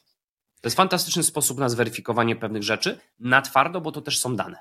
100%. To odwołując się do tego, co od czasu do czasu wspomina Kamila Pępiak, którą też pozdrawiamy, y, dawka tworzy truciznę. I ze, i, I ze wszystkim w sumie można przegiąć. To powiedz mi, czy możemy przejść do drugiego pytania? Czy klient już, y, że tak powiem, przygotował się do samej rozmowy z firmą szkoleniową, czy coś jeszcze? E, drugie, a druga część pytania, w sensie nadal ci chodzi, Maćku, o jak się przygotować? E, nie, bo możemy pójść dalej, bo e, jak już się dogadałem z firmą szkoleniową, jak już ustaliłem z zespołem, co robimy, co to jest ta komunikacja, gdzie ewentualnie potrzebujemy wsparcia, na przykład skorzystaliśmy z Twojego arkusza bazującego na pięciu dysfunkcjach Lęczeniego i z tego coś wyszło, no to wykonaliśmy jakąś pracę. Mamy zrobioną identyfikację naszych potrzeb. No i mhm. załóżmy, załóżmy, że już przeszliśmy też złotą ścieżkę z firmą szkoleniową e, i mamy nadchodzący termin szkolenia. Tak. To czy ja jako klient wchodzę na szkolenie i czekam, co się wydarzy, czy dobrze byłoby, żebym coś zrobił przed szkoleniem? Czy ja jako klient. Nadchodzi termin szkolenia tak. i. I czy ja jako klient po prostu przychodzę na szkolenie i czerpię z niego, czy mogę wykonać jakąś pracę sam przed szkoleniem, żeby się do niego efektywnie przygotować? Tak, jak najbardziej. W sensie to może być znowu praca scedowana na firmę szkoleniową, tak? No bo obsługa może być kompleksowa, albo mogę to zrobić sam. Jedną z najważniejszych rzeczy, priorytetowych na etapie już tym, co powiedziałeś, czyli już zakomunikowania terminu, że się coś zbliża, jest komunikacja i tego, i pewnego rodzaju kaskadowanie informacji, tak? Tego, co się będzie działo, po co to robimy i kto to będzie za prowadzący, jak to będzie wyglądało, co chcemy wspólnie osiągnąć. Niestety jest to zmorą, że bardzo często przychodzi na przykład trener czy trenerka na salę szkoleniową, a ludzie nie wiedzą po co tam są. I tak patrzą hmm. po sobie, kto to jest w ogóle, albo a, a menadżer mówi, czy menadżerka, no słuchajcie, stwierdziłem, że zorganizuję takie szkolenie, bo musimy popracować na, nad tą komunikacją. I wszyscy takie, aha, aha, dobra, to robimy, bo szef tak kazał, tak? No to nie buduje odpowiedniego e, takiego zaangażowania, czy komfortu, czy, czy jakiegoś takiego, nie aktywizuje dobrze na sam początek. Więc ta komunikacja na początku jest kluczowa, kiedy wiemy, że istnieją przeróżne zagrożenia związane z teoretycznym oporem, który może się pojawić uczestników. Bo ja mogę sobie pomyśleć, Jezu, znowu kolejne szkolenie. Jak mi się nie chce, może pójdę na L4 w tym czasie, to coś wymyślę, nie? Albo znowu szkolą nic się nie zmieni, przecież znowu będą jakieś szkolenia, znowu będzie jakaś teoria, znowu nam każą coś wdrażać, albo jeszcze gorzej, że zagrozi to mojej pozycji, albo na pewno coś kombinują. Ludzie mają przeróżne myśli, warto sobie prześledzić taką listę. Jest ona dostępna chociażby na Wikipedii, o której wspomniałem, listę wszystkich oporów, jakie, źródeł oporu, jakie ludzie mają w tego typu sytuacjach i zabezpieczyć swój zespół czy grupę przed tym, co może mieć miejsce. My też bardzo pomagamy przy analizie uwarunkowań, to jest tak zwana analiza AUS, o której wcześniej wspomniałem, czyli zadając pytania klientowi, warto się przygotować na różnego rodzaju ewentualności. Na przykład powiem Ci przykład zeszłego roku, autentyk. E, dwa dni przed warsztatem, warsztatem e, dwóch, dwóch, dwóch panów się pokłóciło. I nie zostało to zgłoszone do trenera mhm. ani do nas. I my przyjeżdżamy uśmiechnięci, bo tam miał, wiesz, być, miał być, e, w ogóle najśmieszniejsze było to, że klient bardzo chciał integrację, wszystko, my przyjeżdżamy, no to co, zaczynamy, tutaj uśmiech, a tam taka grobowa cisza. No i widzimy, że coś jest na rzeczy, tak? No i dobry trener jest w stanie to zauważyć, bo trener pozostaje w cały czas bardzo dużej czujności i kontakcie z grupą, tak? Więc Maciek, jesteś na takiej sali szkoleniowej, od razu poczujesz, że coś jest nie tak. I zadajesz szczere pytanie, co się dzieje, jak się, tak? Co, co, co, musisz zajrzeć pod tą spódnicę, że tak powiem, dosyć umiejętnie. I wtedy wychodzi, no, doszło do takiego e, sytuacji i nagle, wiesz, albo się wszystko sypie, albo trzeba tu teraz już zarządzić, użyjemy tego słowa, tą sytuacją, mhm. żeby nie tak to poprowadzić, poprowadzić, czy na szybko zmodyfikować swój pomysł na to, co mamy zrobić, żeby dostosować to do sytuacji. Dlatego ja przestrzegam wszystkich trenerów i trenerki przed przygotowywaniem na sztywno sobie programów, albo ola Boga, przygotowywania prezentacji multimedialnych, gdzie przyjeżdżają na miejsce i się okazuje, że nie działa i on szkolenia bez prezentacji multimedialnej nie umie zrobić. To jest temat rzeka w ogóle, jest... już myślę, na szkolenia dla trenerów czy trenerek. Tak, to prawda. To prawda, zdarzyło mi się kiedyś współprowadzić szkolenie, gdzie zapomnieliśmy wziąć jedną ważną rzecz, która, że tak powiem, na niej stała połowa szkolenia i zaczęła się wielka improwizacja, ale jestem 100% za tym, żeby nie trzymać się sztywno tego, co się przygotuje na swój warsztat, bo w sumie to, co ja przygotuję, jest drugo, trzeciorzędne, bo najważniejsze jest, co chcemy zrealizować na tym warsztacie i w sumie narzędzia są E, tylko jakąś bazą do tego, żeby osiągnąć cele w trakcie, w trakcie tej pracy. To co ty na to, żebyśmy powiedzieli o różnicy pomiędzy szkoleniem a warsztatem, bo to może być kluczowe i to często jest po prostu używane zamiennie nawet przez nas samych, bo Śmiało. na etapie, powiem, ofertowym dopiero później to tłumaczymy klientom. Jakby E, nie wiem, czy, czy ty się zgodzisz, że jest różnica pomiędzy szkoleniem i warsztatem, może od tego zacznę. Zgodzisz się? Jest, bo... bo dla mnie warsztat jest po prostu bardziej praktyczny. To tylko to jedno zdanie dam, ale, ale oddam tobie mikrofon, żebyś ty powiedział, jak ty to widzisz. Dokładnie o tą praktykę chodzi. Po pierwsze, praca w małych grupach, gdzie prowadzący podąża za grupą, a nie podąża za programem. Oczywiście przed każdym warsztatem czy procesem rozwojowym jest jakiś cel do osiągnięcia. Często jest to cel e, wyznaczony przez sponsora projektu, na przykład dyrektora przełożonego, dyrektorki, tak, ale może być też sytuacja, że są jakieś zamierzenia czy rzeczy, które zespół albo grupa szkoleniowa, e, przepraszam, warsztatowa chce z nią skręcić w jakimś kierunku. I to jest mhm. warsztat, wypracowywanie czegoś. A szkolenie tak, może być organizowane w trochę nieco większej grupie, ten kontakt indywidualny może być wtedy mniejszy, ale opiera się na przeszkoleniu tych ludzi, trzymając się nurtu i konkretnego celu. Ja podam Ci przykład. E, w przyszłym miesiącu mam e, projekty realizowane z ramienia Jaja Lane 4, bo jesteśmy hubem na Europę Centralno-Wschodnią dla e, tej spółki konsultingowej z Wielkiej Brytanii. EI to jedna z największych firm doradczych na świecie. Kupiła je Lane 4 właśnie w trakcie pandemii. Oni niestety nie, nie utrzymali się, zostali sprzedani, że tak powiem. Mhm. I do rzeczy. E, I tam mamy pigułki dwugodzinne.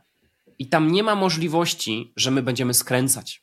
Tam jest typowe szkolenie, jest punkt X, do którego trzeba dotrzeć, są ćwiczenia, ale to jest bardzo mocno okrojone. I na początku takiego szkolenia właśnie trzeba poinformować o tym grupę, że słuchajcie, pozwolę wam się przerwać, jeśli byśmy utknęli w martwym punkcie albo zboczyli z tematu, tak jak ty to robisz teraz jako prowadzący, bo mhm. mamy pewną rzecz do osiągnięcia, koniec kropka. I tam ten program ma dużo większe znaczenie.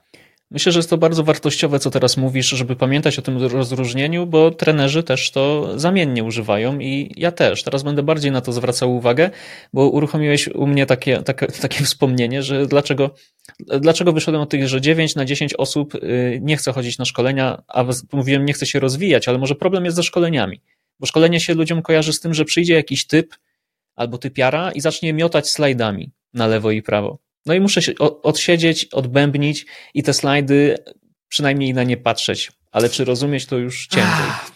No, no, no nic, nie, nic, nie, zwalnia trenera z tego, żeby stosować różne metody aktywizacji grupy, e, budować to zaangażowanie i być otwartym i czujnym na to, co e, jak grupa koresponduje z tym, co podajemy, tym, co tak naprawdę z czym pracujemy. Czy to jest szkolenie, czy warsztat. Trener mhm. powinien sobie poradzić w jednym i w drugim zadaniu, ale rzeczywiście specyfika będzie trochę inna. No właśnie. To słuchaj, domknijmy tego case'a. Tak. Pracujemy nad komunikacją. E, ja się przygotowałem jako klient e, przed rozmową z Tobą jako firmą doradczo-szkoleniową. Ja się też przygotowałem jako klient przed szkoleniem e, i mój zespół też ich przygotowałem i, i, i mamy, jak się w IT mówi, alignment, czyli uwspólnienie, że w ogóle chcemy to robić. Mhm. No i zrobiliśmy to. Przeszkoliliśmy się. No i jestem zadowolony, przeszkoliliśmy się, jest zajebiście i najlepiej, y, trenerze Michale, jeszcze coś porób po tym szkoleniu. Ale nie chcę cię pytać, co ty robisz po szkoleniu, tylko co ja jako klient warto, żebym zrobił po szkoleniu. Mhm. Bardzo często jest to uzgadniane przed albo uzgadniane w trakcie z grupą, tak? Co będzie się działo po. Tak? Czasami trzeba to skonsultować ze względów budżetowych i tak dalej, ale podam ci y, trzy przykłady tak z brzegu. Mhm. Pierwszy przykład to jest pewnego rodzaju follow-up. Czyli na przykład powiedzmy, że do trzech miesięcy po warsztacie chcielibyśmy zorganizować panel QA, na którym wszyscy uczestnicy wrócą i będą mogli zadać pytania do wszystkich wątków, które po przetestowaniu pewnych rozwiązań, przemyśleniu, kiedy to się wiesz, dobrze osiądzie, ułoży, bo może wrócą i powiedzą: Wiesz co, Michał, wiesz co, Maciek, no to nie zadziałało, więc zrobiłem to trochę inaczej i jest takie pole, żeby to przedyskutować. To może być follow-up, tak? Prze przeciągnięcie pewnego rodzaju czegoś, ale nie sztuczne, tylko rzeczywiście yy, przeciągnięcie, żeby follow-up był taką wisienką na torcie. Mhm. Druga kwestia to mogą być zadania wdrożeniowe, ustalone przed, albo takie, które wychodzą w trakcie. Zespół albo grupa, zobacz, że ja cały czas różnicuję. Zespół a grupa, bo to też jest różnica, o której możemy sobie najwyżej za chwilę powiedzieć. E, zespół albo grupa wyznacza sobie jakieś zadania wdrożeniowe, rzeczy, których potrzebują na później. I to jest sytuacja, w której nagle wychodzi ad hoc, czyli tak nagle w trakcie warsztatu czy szkolenia, kurczę, wiecie co, potrzebujemy to przepracować i planujemy to sobie. I zadaniem na przykład lidera albo agenta zmiany, bo widzisz, że dużo tutaj takiej nomenklatury używam, albo jakiejś mhm. osoby wyznaczonej, skryby, jak ja to czasami mówię, bo taką osobę się wyznacza na warsztacie momentami, e, jest dopilnowanie, czy to zostało zrobione. Tak? I można sobie wyznaczyć termin, czy tam metodą Smarter, czy jakkolwiek inną, OKR-y, żeby ten, e, to zadanie zostało zrealizowane. To był drugi przykład. Tak? Trzecia rzecz, która jest do zrobienia, to mógł być follow-up, to mogło być zadanie wdrożeniowe, a może po prostu będzie to wymagać e, pewnego rodzaju, że tak powiem, e, nie, nie tylko wykorzystania umiejętności, tak, ale testowania i przygotowania się do następnych rzeczy, które są kontynuacją, że tak powiem, tego rozpoczętego procesu rozwojowego. Czyli będzie to sytuacja, w której E, uczyliśmy się na bazie, o weźmy tą komunikację, tą informację zwrotną, świętą, którą żeśmy tutaj wcześniej przywołali i na przykład okazuje się, że ok, nauczyliśmy się przekazywać informację zwrotną, ale jest kłopot z asertywnością. Tak? I kontynuacją naturalnie będzie kolejny warsztat z zakresu asertywności albo jakiejś innej sytuacji. Okej, okay, dzięki wielkie za to kompleksowe rozłożenie tego, co warto robić po szkoleniu, a przede wszystkim warto to zaplanować albo przed, albo w trakcie, żeby ludzie też byli na to przygotowani. Michał, patrzę na zegarek, rozmawiamy już ponad godzinę i ta rozmowa się pięknie nam klei i chciałbym, żeby to była rozmowa, więc y, moja propozycja jest taka, że może ty masz do mnie jakieś pytanie w kontekście usług y, szkoleniowo-doradczych albo rozwijania ludzi, coś, co ci chodzi po głowie i zastanawiasz się, jaka jest perspektywa y, u kogoś innego e, i, i akurat masz taką możliwość, że jestem tutaj i cię o to pytam. Czy mhm. chcesz mnie o coś zapytać w tym kontekście? Wiesz co? Ja myślę, że moglibyśmy porozmawiać o naszych wspólnych doświadczeniach, tak sobie na szybko myślę, e, o różnicach pomiędzy onlinem, offlinem. Co ty na to? O, no. Może Świetny to byłby temat. dobry kierunek. Tak, bo ja mam takie przeczucie, że znowu nie, nie, nie, nie, klienci nie, czy, czy sami uczestnicy, ci, którzy wiesz, nie lubią, te 10, 9 na 10 osób, która nie lubi mhm. chodzić na szkolenia, nie widzą też różnic pomiędzy tym. Nie zawsze jest tak, że szkolenie stacjonarne jest przecież bardziej efektywne niż, e, czyli to offline'owe, niż to online, bo w zależności od specyfiki może być zupełnie inaczej. No więc może zapytam Ciebie o opinię, co, co o tym sądzisz, jakie Ty te różnice widzisz, bo zdecydowanie tych zamówień online po pandemii czy w trakcie pandemii e, jest dużo więcej. Ja mam teraz tak, y, odwrotnie niż ty, że teraz mam więcej zamówień stacjonarnych. Ja też dużo nie szkolę, bo w sumie moja działalność y, doradczo-szkoleniowa y, jest jakimś promilem innych moich aktywności, ale jak sobie patrzę na własne statystyki, to teraz więcej mi się zdarza być na sali fizycznie. I dotyczy to klientów z różnych branż, od nawet IT po firmy produkcyjne, czy też firmy dostarczające różnego rodzaju usługi, chociażby prawne. I jeśli chodzi o różnicę między jednym a drugim, to jak byliśmy w pandemii, e, w mhm. tym piku takim, gdzie no, nie było innej opcji niż online, jak potrzebowałem ludzi, e, że tak powiem, rozwijać, korzystając z tego typu e, narzędzi szkoleniowo-warsztatowo-doradczych, to jak spotykałem się z, z przedstawicielami firm i oni mi mówili, że nie martwcie się, bo szkolenia online są takie same jak szkolenia stacjonarne, czyli spotykamy się o 8 i siedzimy do 15, zrobimy jakąś przerwę na obiad, będą jakieś przerwy, o nic się nie martwcie, ludzie to przyjmą. I powiem Ci, że miałem y, przynajmniej kilka takich rozmów z firmami, które jakbym Ci powiedział nazwy, to prawdopodobnie byś kojarzył, albo może nawet znasz. I mam nadzieję, że oni wyciągnęli swoje lekcje, bo ja zacząłem to mocno zgłębiać wtedy, y, w czasach y, COVID-a e, była taka popularna grafika, gdzie jak siedzisz zbyt długo na spotkaniu, to twój mózg się zaczyna przegrzewać bez przerwy. No jak mamy spotkanie, szkolenie, warsztat online i mamy niby pracować przez to 8 godzin, to raz mi się zdarzyło prowadzić dwa szkolenia, dwa pod rząd po 4 godziny umierałem potem na koniec. Jakby przyjechał po mnie czołg, byłem żywym trupem, więc nawet myśląc o tych trenerach pracujących czy współpracujących z tymi firmami, myślałem sobie, co wy im robicie. A jak pytałem ich, mhm. eja, nie da się e, zrobić krócej tych szkoleń, oni mówią, nie, nie, bo mamy właśnie to, co mówiłeś, nie? Mamy nasze e, scenariusze, mamy plan szkolenia i się go trzymamy, bo wiemy, że to jest dobry materiał. No mhm. i dla mhm. mnie to już jest do widzenia. Nara. Nie chcę, nie, nie chcę z wami rozmawiać. I na początku, jak sam wchodziłem w online, a ja w online czuję się bardzo dobrze, mm, to klientom trudniej było zrozumieć, że jak to 6 godzin, 5 godzin, ja mówię 6 godzin max i nie więcej niż 10 osób. A, ale mamy więcej osób w, w zespole, no to robimy dwa szkolenia. No ale wtedy wyjdzie drożej. No ale możecie ich przeszkolić i połowa osób wyłączy się z takiego warsztatu i będzie sobie klikać swoje rzeczy, odpisywać na maile albo siedzieć na Facebooku za wasze pieniądze też, albo robimy tak, jak wam rekomenduję, czyli wchodzę w tą rolę konsultanta, o której mówiłeś i naciskam tam, gdzie boli. E, I wtedy macie szansę na to, że proces w online będzie niewiele różnił się, jeśli chodzi o efekt, od procesu w szkoleniach czy warsztatach stacjonarnych. Gdzieś tam kiedyś czytałem badania, że e, online i offline różnią się tym, że w online masz o jakieś od 3 do 5% mniejszą wartość edukacyjną niż stacjonarnie. Gdzieś mi takie badanie kiedyś mignęło, nie wiem jakie jest Twoje zdanie, z chęcią zaraz y, je poznam, ale tak jak myślę o szkoleniach online, one są fajne. Ja je lubię, bo, bo są trudniejsze do robienia. W ogóle według mnie zrobienie dobrego szkolenia warsztatu online jest dużo trudniejsze niż wejście na salę. Kropka. Mhm. Co ty o tym sądzisz? Wiesz co, zacznijmy w ogóle od podstaw. Po pierwsze, samo uczestniczenie w szkoleniu przy warsztacie wymaga od nas dużo więcej energii i uruchamia dużo więcej procesów myślowych, tak? Gdzie te synapsy po prostu buzują, niezależnie od tego, czy to jest online, czy stacjonarnie. To nie jest normalny dzień pracy. Mhm. Już z tego punktu widzenia, a ja bardzo często przestrzegam na przykład klienta przed przeładowaniem programu, nawet całodniowego, ośmiogodzinnego, realizowanego stacjonarnie. I moim zadaniem jest bardzo mocno zadbać o ten komfort uczestników po przerwie obiadowej, która jest zmorą i moją, i uczestników praktycznie w każdym przypadku, gdzie ta energia spada. Ludzie się robią ospali, tak? Trzeba tak, taki materiał już przeznaczyć na te godziny po, po, obiado, po obiedzie, tak? Najlepiej go opóźnić. Ja staram się, wiesz co, na przykład przerwę obiadową opóźnić maksymalnie nawet na godzinę 14, trudno, ktoś tam je wcześniej trochę przegłodzi się, ale dzięki temu potem jest już na przykład o tej godzinie 15 jakiś energizer, tak? I, I po prostu przerobienie jakichś rzeczy, podsumowanie, a nie wracanie do kolejnych jakichś modeli, ciężkich tematów, na które dużego kalibra, że tak powiem, na co uczestnicy mogą być już niegotowi.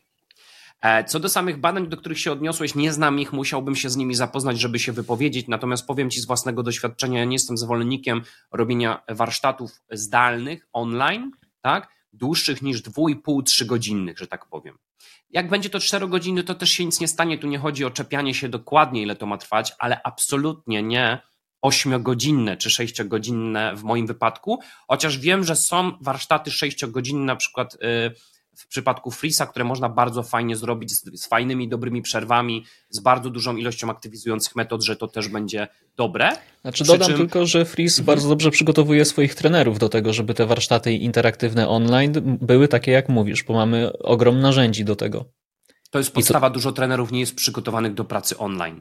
Są mhm. trenerzy na przykład, no powiem to szczerze, nie, nie będę wymieniał osób, z którymi pracowałem, którzy są bardzo dobrzy na sali ale online to nagle się coś zatnie, panika, nie potrafią uruchomić, już nie mówię o uruchamianiu prezentacji, ale nie potrafią uruchomić jakiegoś narzędzia albo skonfigurować, na przykład Kahoot, Mentimeter, Gattertown, taka wiesz, gdzie chodzi jak, jak grze komputerowej z strzałeczkami.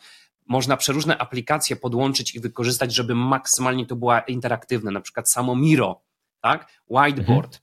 który daje mnóstwo możliwości i, i to jest na przykład bardzo duży plus online'u, znacznie przyspiesza pracę, jeśli uczestnicy już mają na przykład na kickoffie okazję przetestować to narzędzie, bo to jest kolejna rzecz, którą można na kickoffie zrobić, zrobić test narzędzia, czy wszystkim działa, czy wszyscy umieją klikać, zamiast marnować czas już na samym warsztacie czy szkoleniu.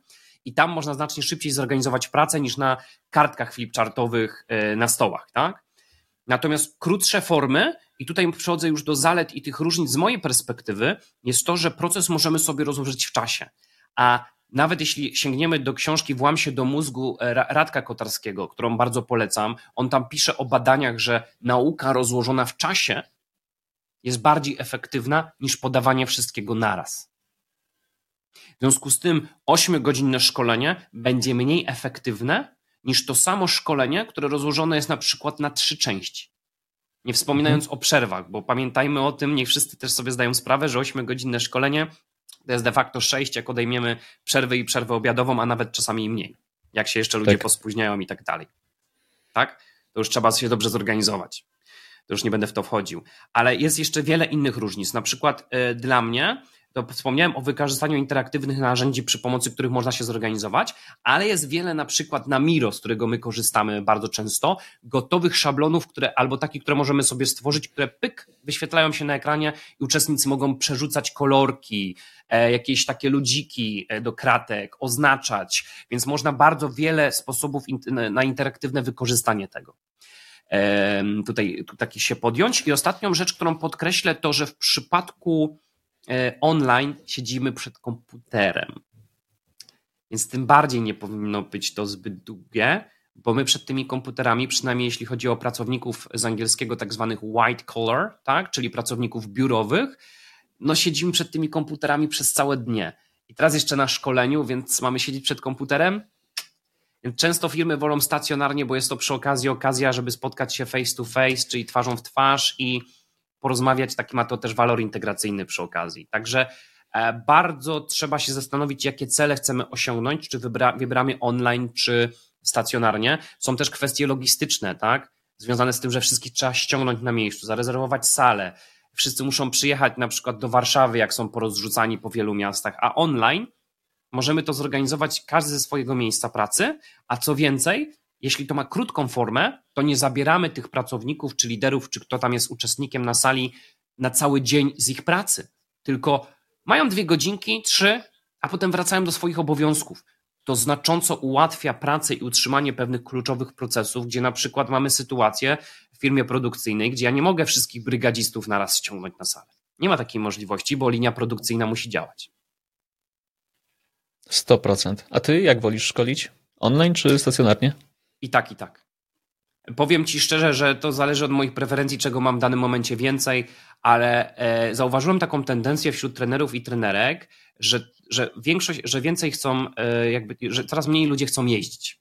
Mhm. Ja mówię, OK, ale powiem szczerze, to jest odświeżające. Ja się nie dziwię, bo tak jak powiedziałeś o tym, że miałeś dwa razy po cztery godziny i umierałeś, to wyobraź sobie, że wczoraj dostałem w ogóle zapytanie mm, właśnie z, z, z pewnej instytucji przez jeszcze jakiegoś pośrednika OZUS-u, do, OZUS, do, do, do którego się odwoływałem, gdzie zaprosili nas do tego, żebyśmy mieli 3-4 dni szkoleniowe pod rząd.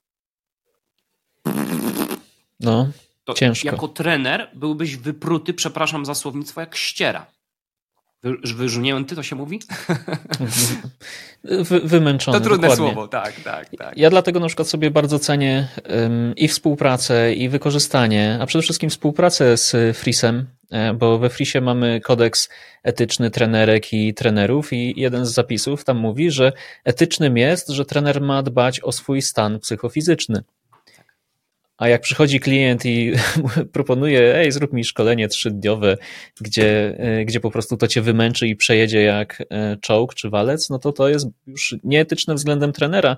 Ja bardzo zachęcam trenerów e, i trenerki do tego, żeby też myśleć o sobie, że to, to nie jest tylko klient do portfolio, nie chodzi tylko o, o pieniądze, szczególnie jeśli to jest na przykład dobra stawka, ale no to gdzie, wiesz jak jest, nie? Można się bardzo szybko przekonać, że to jest y, krótka, krótka perspektywa takie działanie. Stąd, y, wiesz, stąd. Mhm. Ja podziwiam, z drugiej strony jestem pod takim wrażeniem, zależy czy pozytywnym, czy negatywnym, jak słyszę o trenerach, którzy właśnie mają 10 tysięcy godzin szkoleniowych, po czym okazuje się, że zrobili to y, w na przykład, nie wiem, 7 lat, to jest i tak mało możliwe. Ale wyobrażam sobie, że jest trener wewnętrzny i gdzieś tam jeździ i to wszystko trzaska Dobrze, że mnie ilość. nigdy nie zapytałeś, ile mam godzin szkoleniowych, bo nie mam pojęcia. Nigdy tego nie liczyłem i tr tr trudno mi powiedzieć, no nie? Ale rzeczywiście 10 tysięcy godzin brzmi ogrom, ogromnie dużo. Widziałem takie bio różnych osób i tak sobie myślę, kurczę, to jest rzeczywiście... Abstrakcyjne. Kawał, kawał czasu.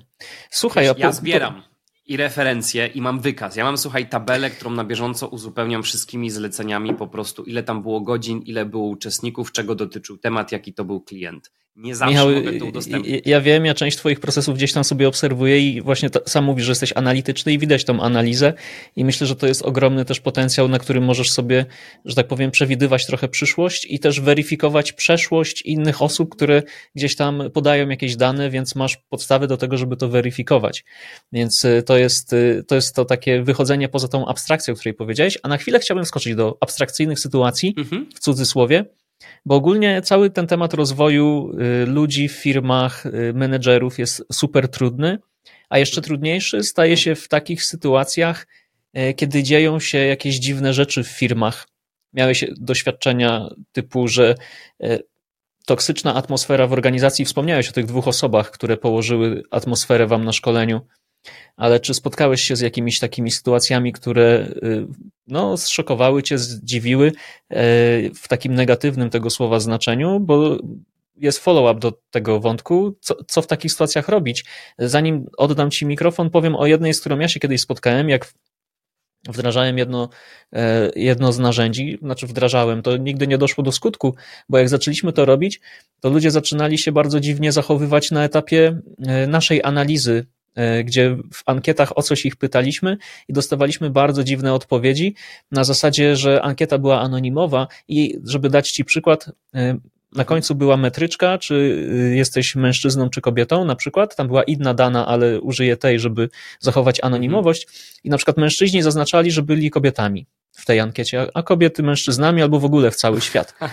I okay zaczęliśmy analizować te dane i coś jest nie tak, w ogóle no abstrakcja. I jak się potem okazało, to w firmie była tak trudna atmosfera e, wprowadzona przez e, bardzo despotycznego mm, szefa, e, że cały ten proces musieliśmy zatrzymać, bo no, w ogóle byśmy zrobili jeszcze większą krzywdę. I zastanawiam się, czy też masz takie doświadczenia, czy jesteś szczęśliwym człowiekiem i cię to ominęło przez to 10 lat prawie. No i tu się kłania analiza AUS, uwarunkowań właśnie, które my sprawdzamy które e, staram się sprawdzać na tyle, ile to możliwe w każdym projekcie. Natomiast mhm. i tak się takie sytuacje zdarzają. Zaraz odniosę się do moich przykładów. E, jakie są uwarunkowania? Między innymi e, jest takie coś, można sobie też na Wikipedii sprawdzić. W psychologii pojęcie tak zwanego dystansu władzy. Dystans władzy określa dystans taki formalny albo nieformalny, taki trudny do pojęcia, bo nie dotyczy relacji, na przykład czy jesteśmy per pan czy per pani, ale nie mhm. tylko w jaki sposób sformalizowane wyglądają kontakty międzyludzkie w organizacji. Ten dystans władzy na przykład w instytucjach może być dużo większy niż na przykład w branży IT czy software, gdzie ten dystans władzy jest bardzo krótki i na przykład nawet stażysta może pójść udzielić informacji zwrotnej prezesowi. Tak. Więc bardzo mocno zależy od kultury organizacyjnej. A druga rzecz, w Twoim przypadku, który przywoływałeś, to był despotyczny przełożony, tak? Więc my badamy, co by się stało, gdyby ten przełożony brał udział w warsztacie. To jest pierwsza rzecz. I w zależności od celu, jaki chcemy osiągnąć, czasami tego przełożonego ma nie być na sali, albo ma być. Wiesz, ja prowadzę też dużo mediacji, więc mam różne przypadki. Ja miałem na sali, słuchaj, w trakcie prowadzonych mediacji, czy w trakcie procesu, że dziewczyna się popłakała. Bo mhm. E, jeden z, z panów powiedział, że on jej nie szanuje. Tak, to jest autentyczne, mocne stwierdzenie. Bardzo mocne. Tam padły jeszcze brzydkie słowa i powiedział, że jej nie szanuje, nie chce z nią pracować i nie chce z nią rozmawiać. Więc dziewczyna się popłakała e, i wybiegła. Miałem też sytuację, w której pracuję z zespołem i nagle niespodziewanie, czego nie miałem świadomości, pomimo że pytałem i drążyłem, zaczęły wychodzić kwiatki, na które nie miałem żadnego wpływu, tak? Miałem też sytuacje e, takie, że pracuję z firmą i właśnie na poziomie ankiety zaczynają się pojawiać jakieś rzeczy, które kompletnie są nie halo, na przykład brakuje szczerości. I się okazuje, że tam nie ma w ogóle, nikt, nikt nie jest szczery, nikt nie jest autentyczny, wszyscy kogoś udają. I to jest duży problem. Bo jeszcze w granicach normy, to wiadomo, można być profesjonalnym, ale w momencie, w którym ludzie zaczynają przeinaczać prawdę, nie mają do siebie zaufania, krytykują się za wszystko, każdy uważa, żeby czegoś nie powiedzieć albo boi się odezwać, bo e, zostanie zaraz oceniony, no to ja sięgam wtedy do narzędzi typu właśnie mediacje, bardziej dysfunkcje zespołowe albo zarządzanie konfliktem.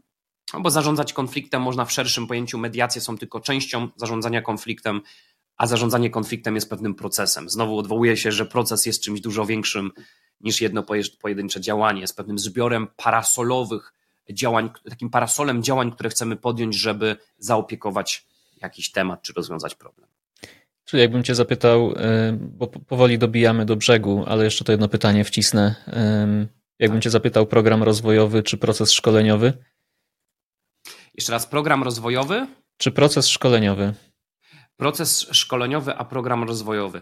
Program rozwojowy będzie częścią procesu rozwojowego. E, mhm. Tak to roz, rozumiem, tak? Bo program to będzie stricte, co to się będzie działo na różnych sesjach, warsztatach czy szkoleniach poszczególnych.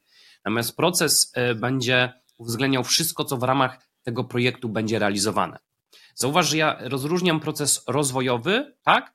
Od samego szkoleniowego, bo to, co się dzieje mhm. na szkoleniach, będzie procesem szkoleniowym za stricte już na to ma wpływ tylko trener czy trenerka, ale na proces rozwojowy ma wpływ dużo więcej osób, na przykład interesariusze.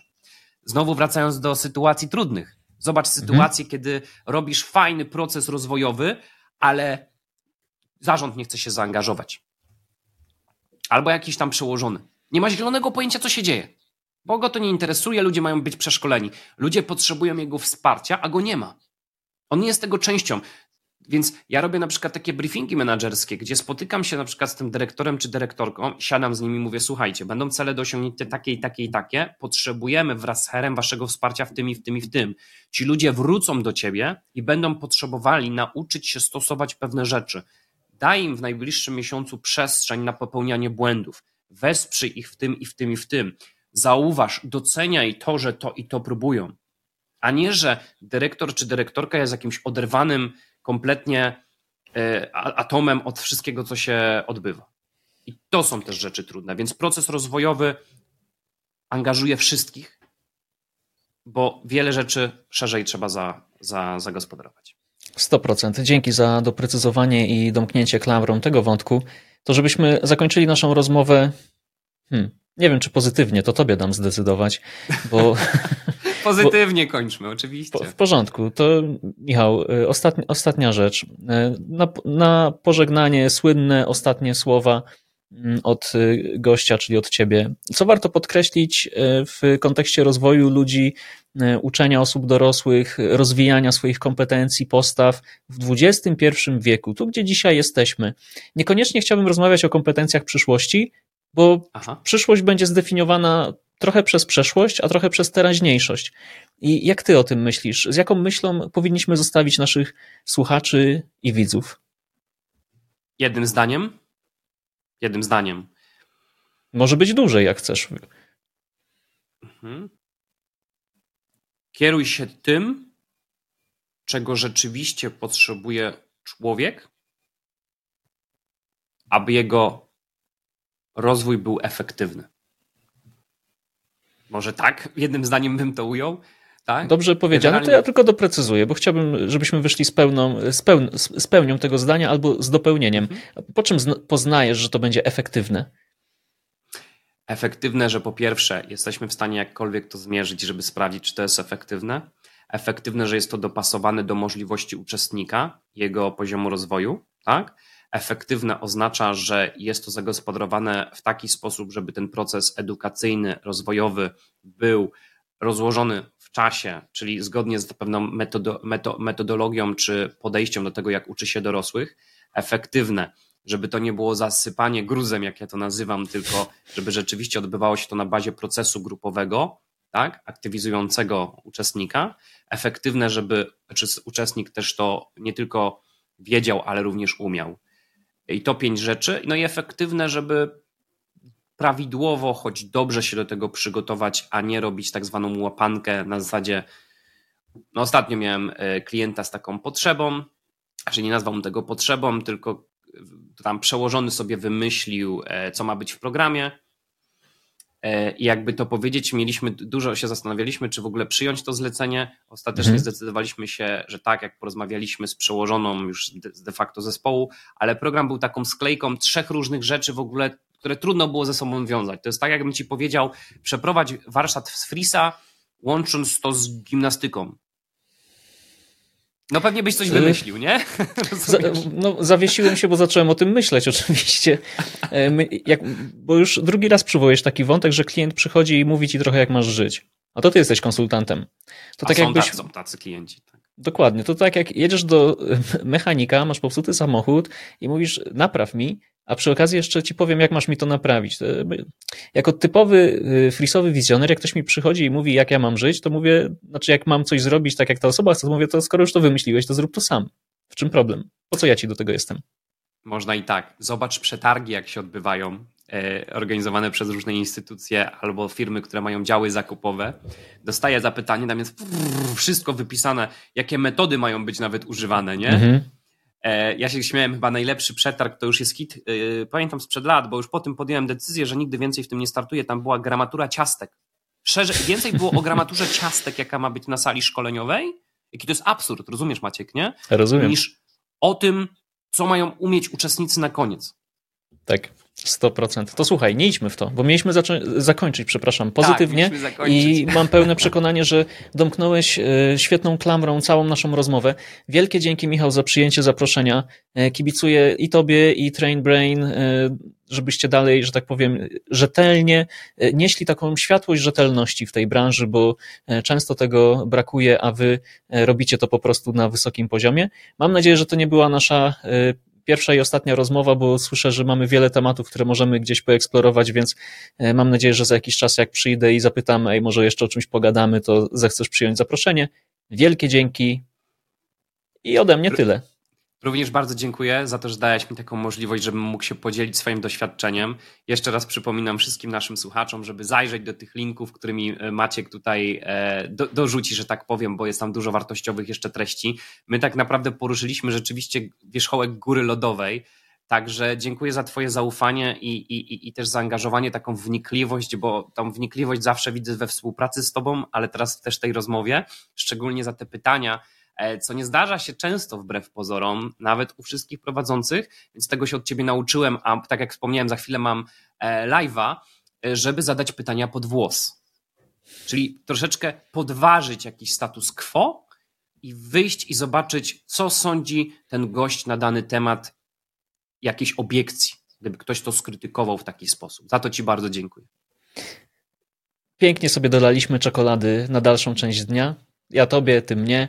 Wielkie dzięki wszystkim, którzy słuchali. Trzymajcie się, do zobaczenia. Cześć. Cześć.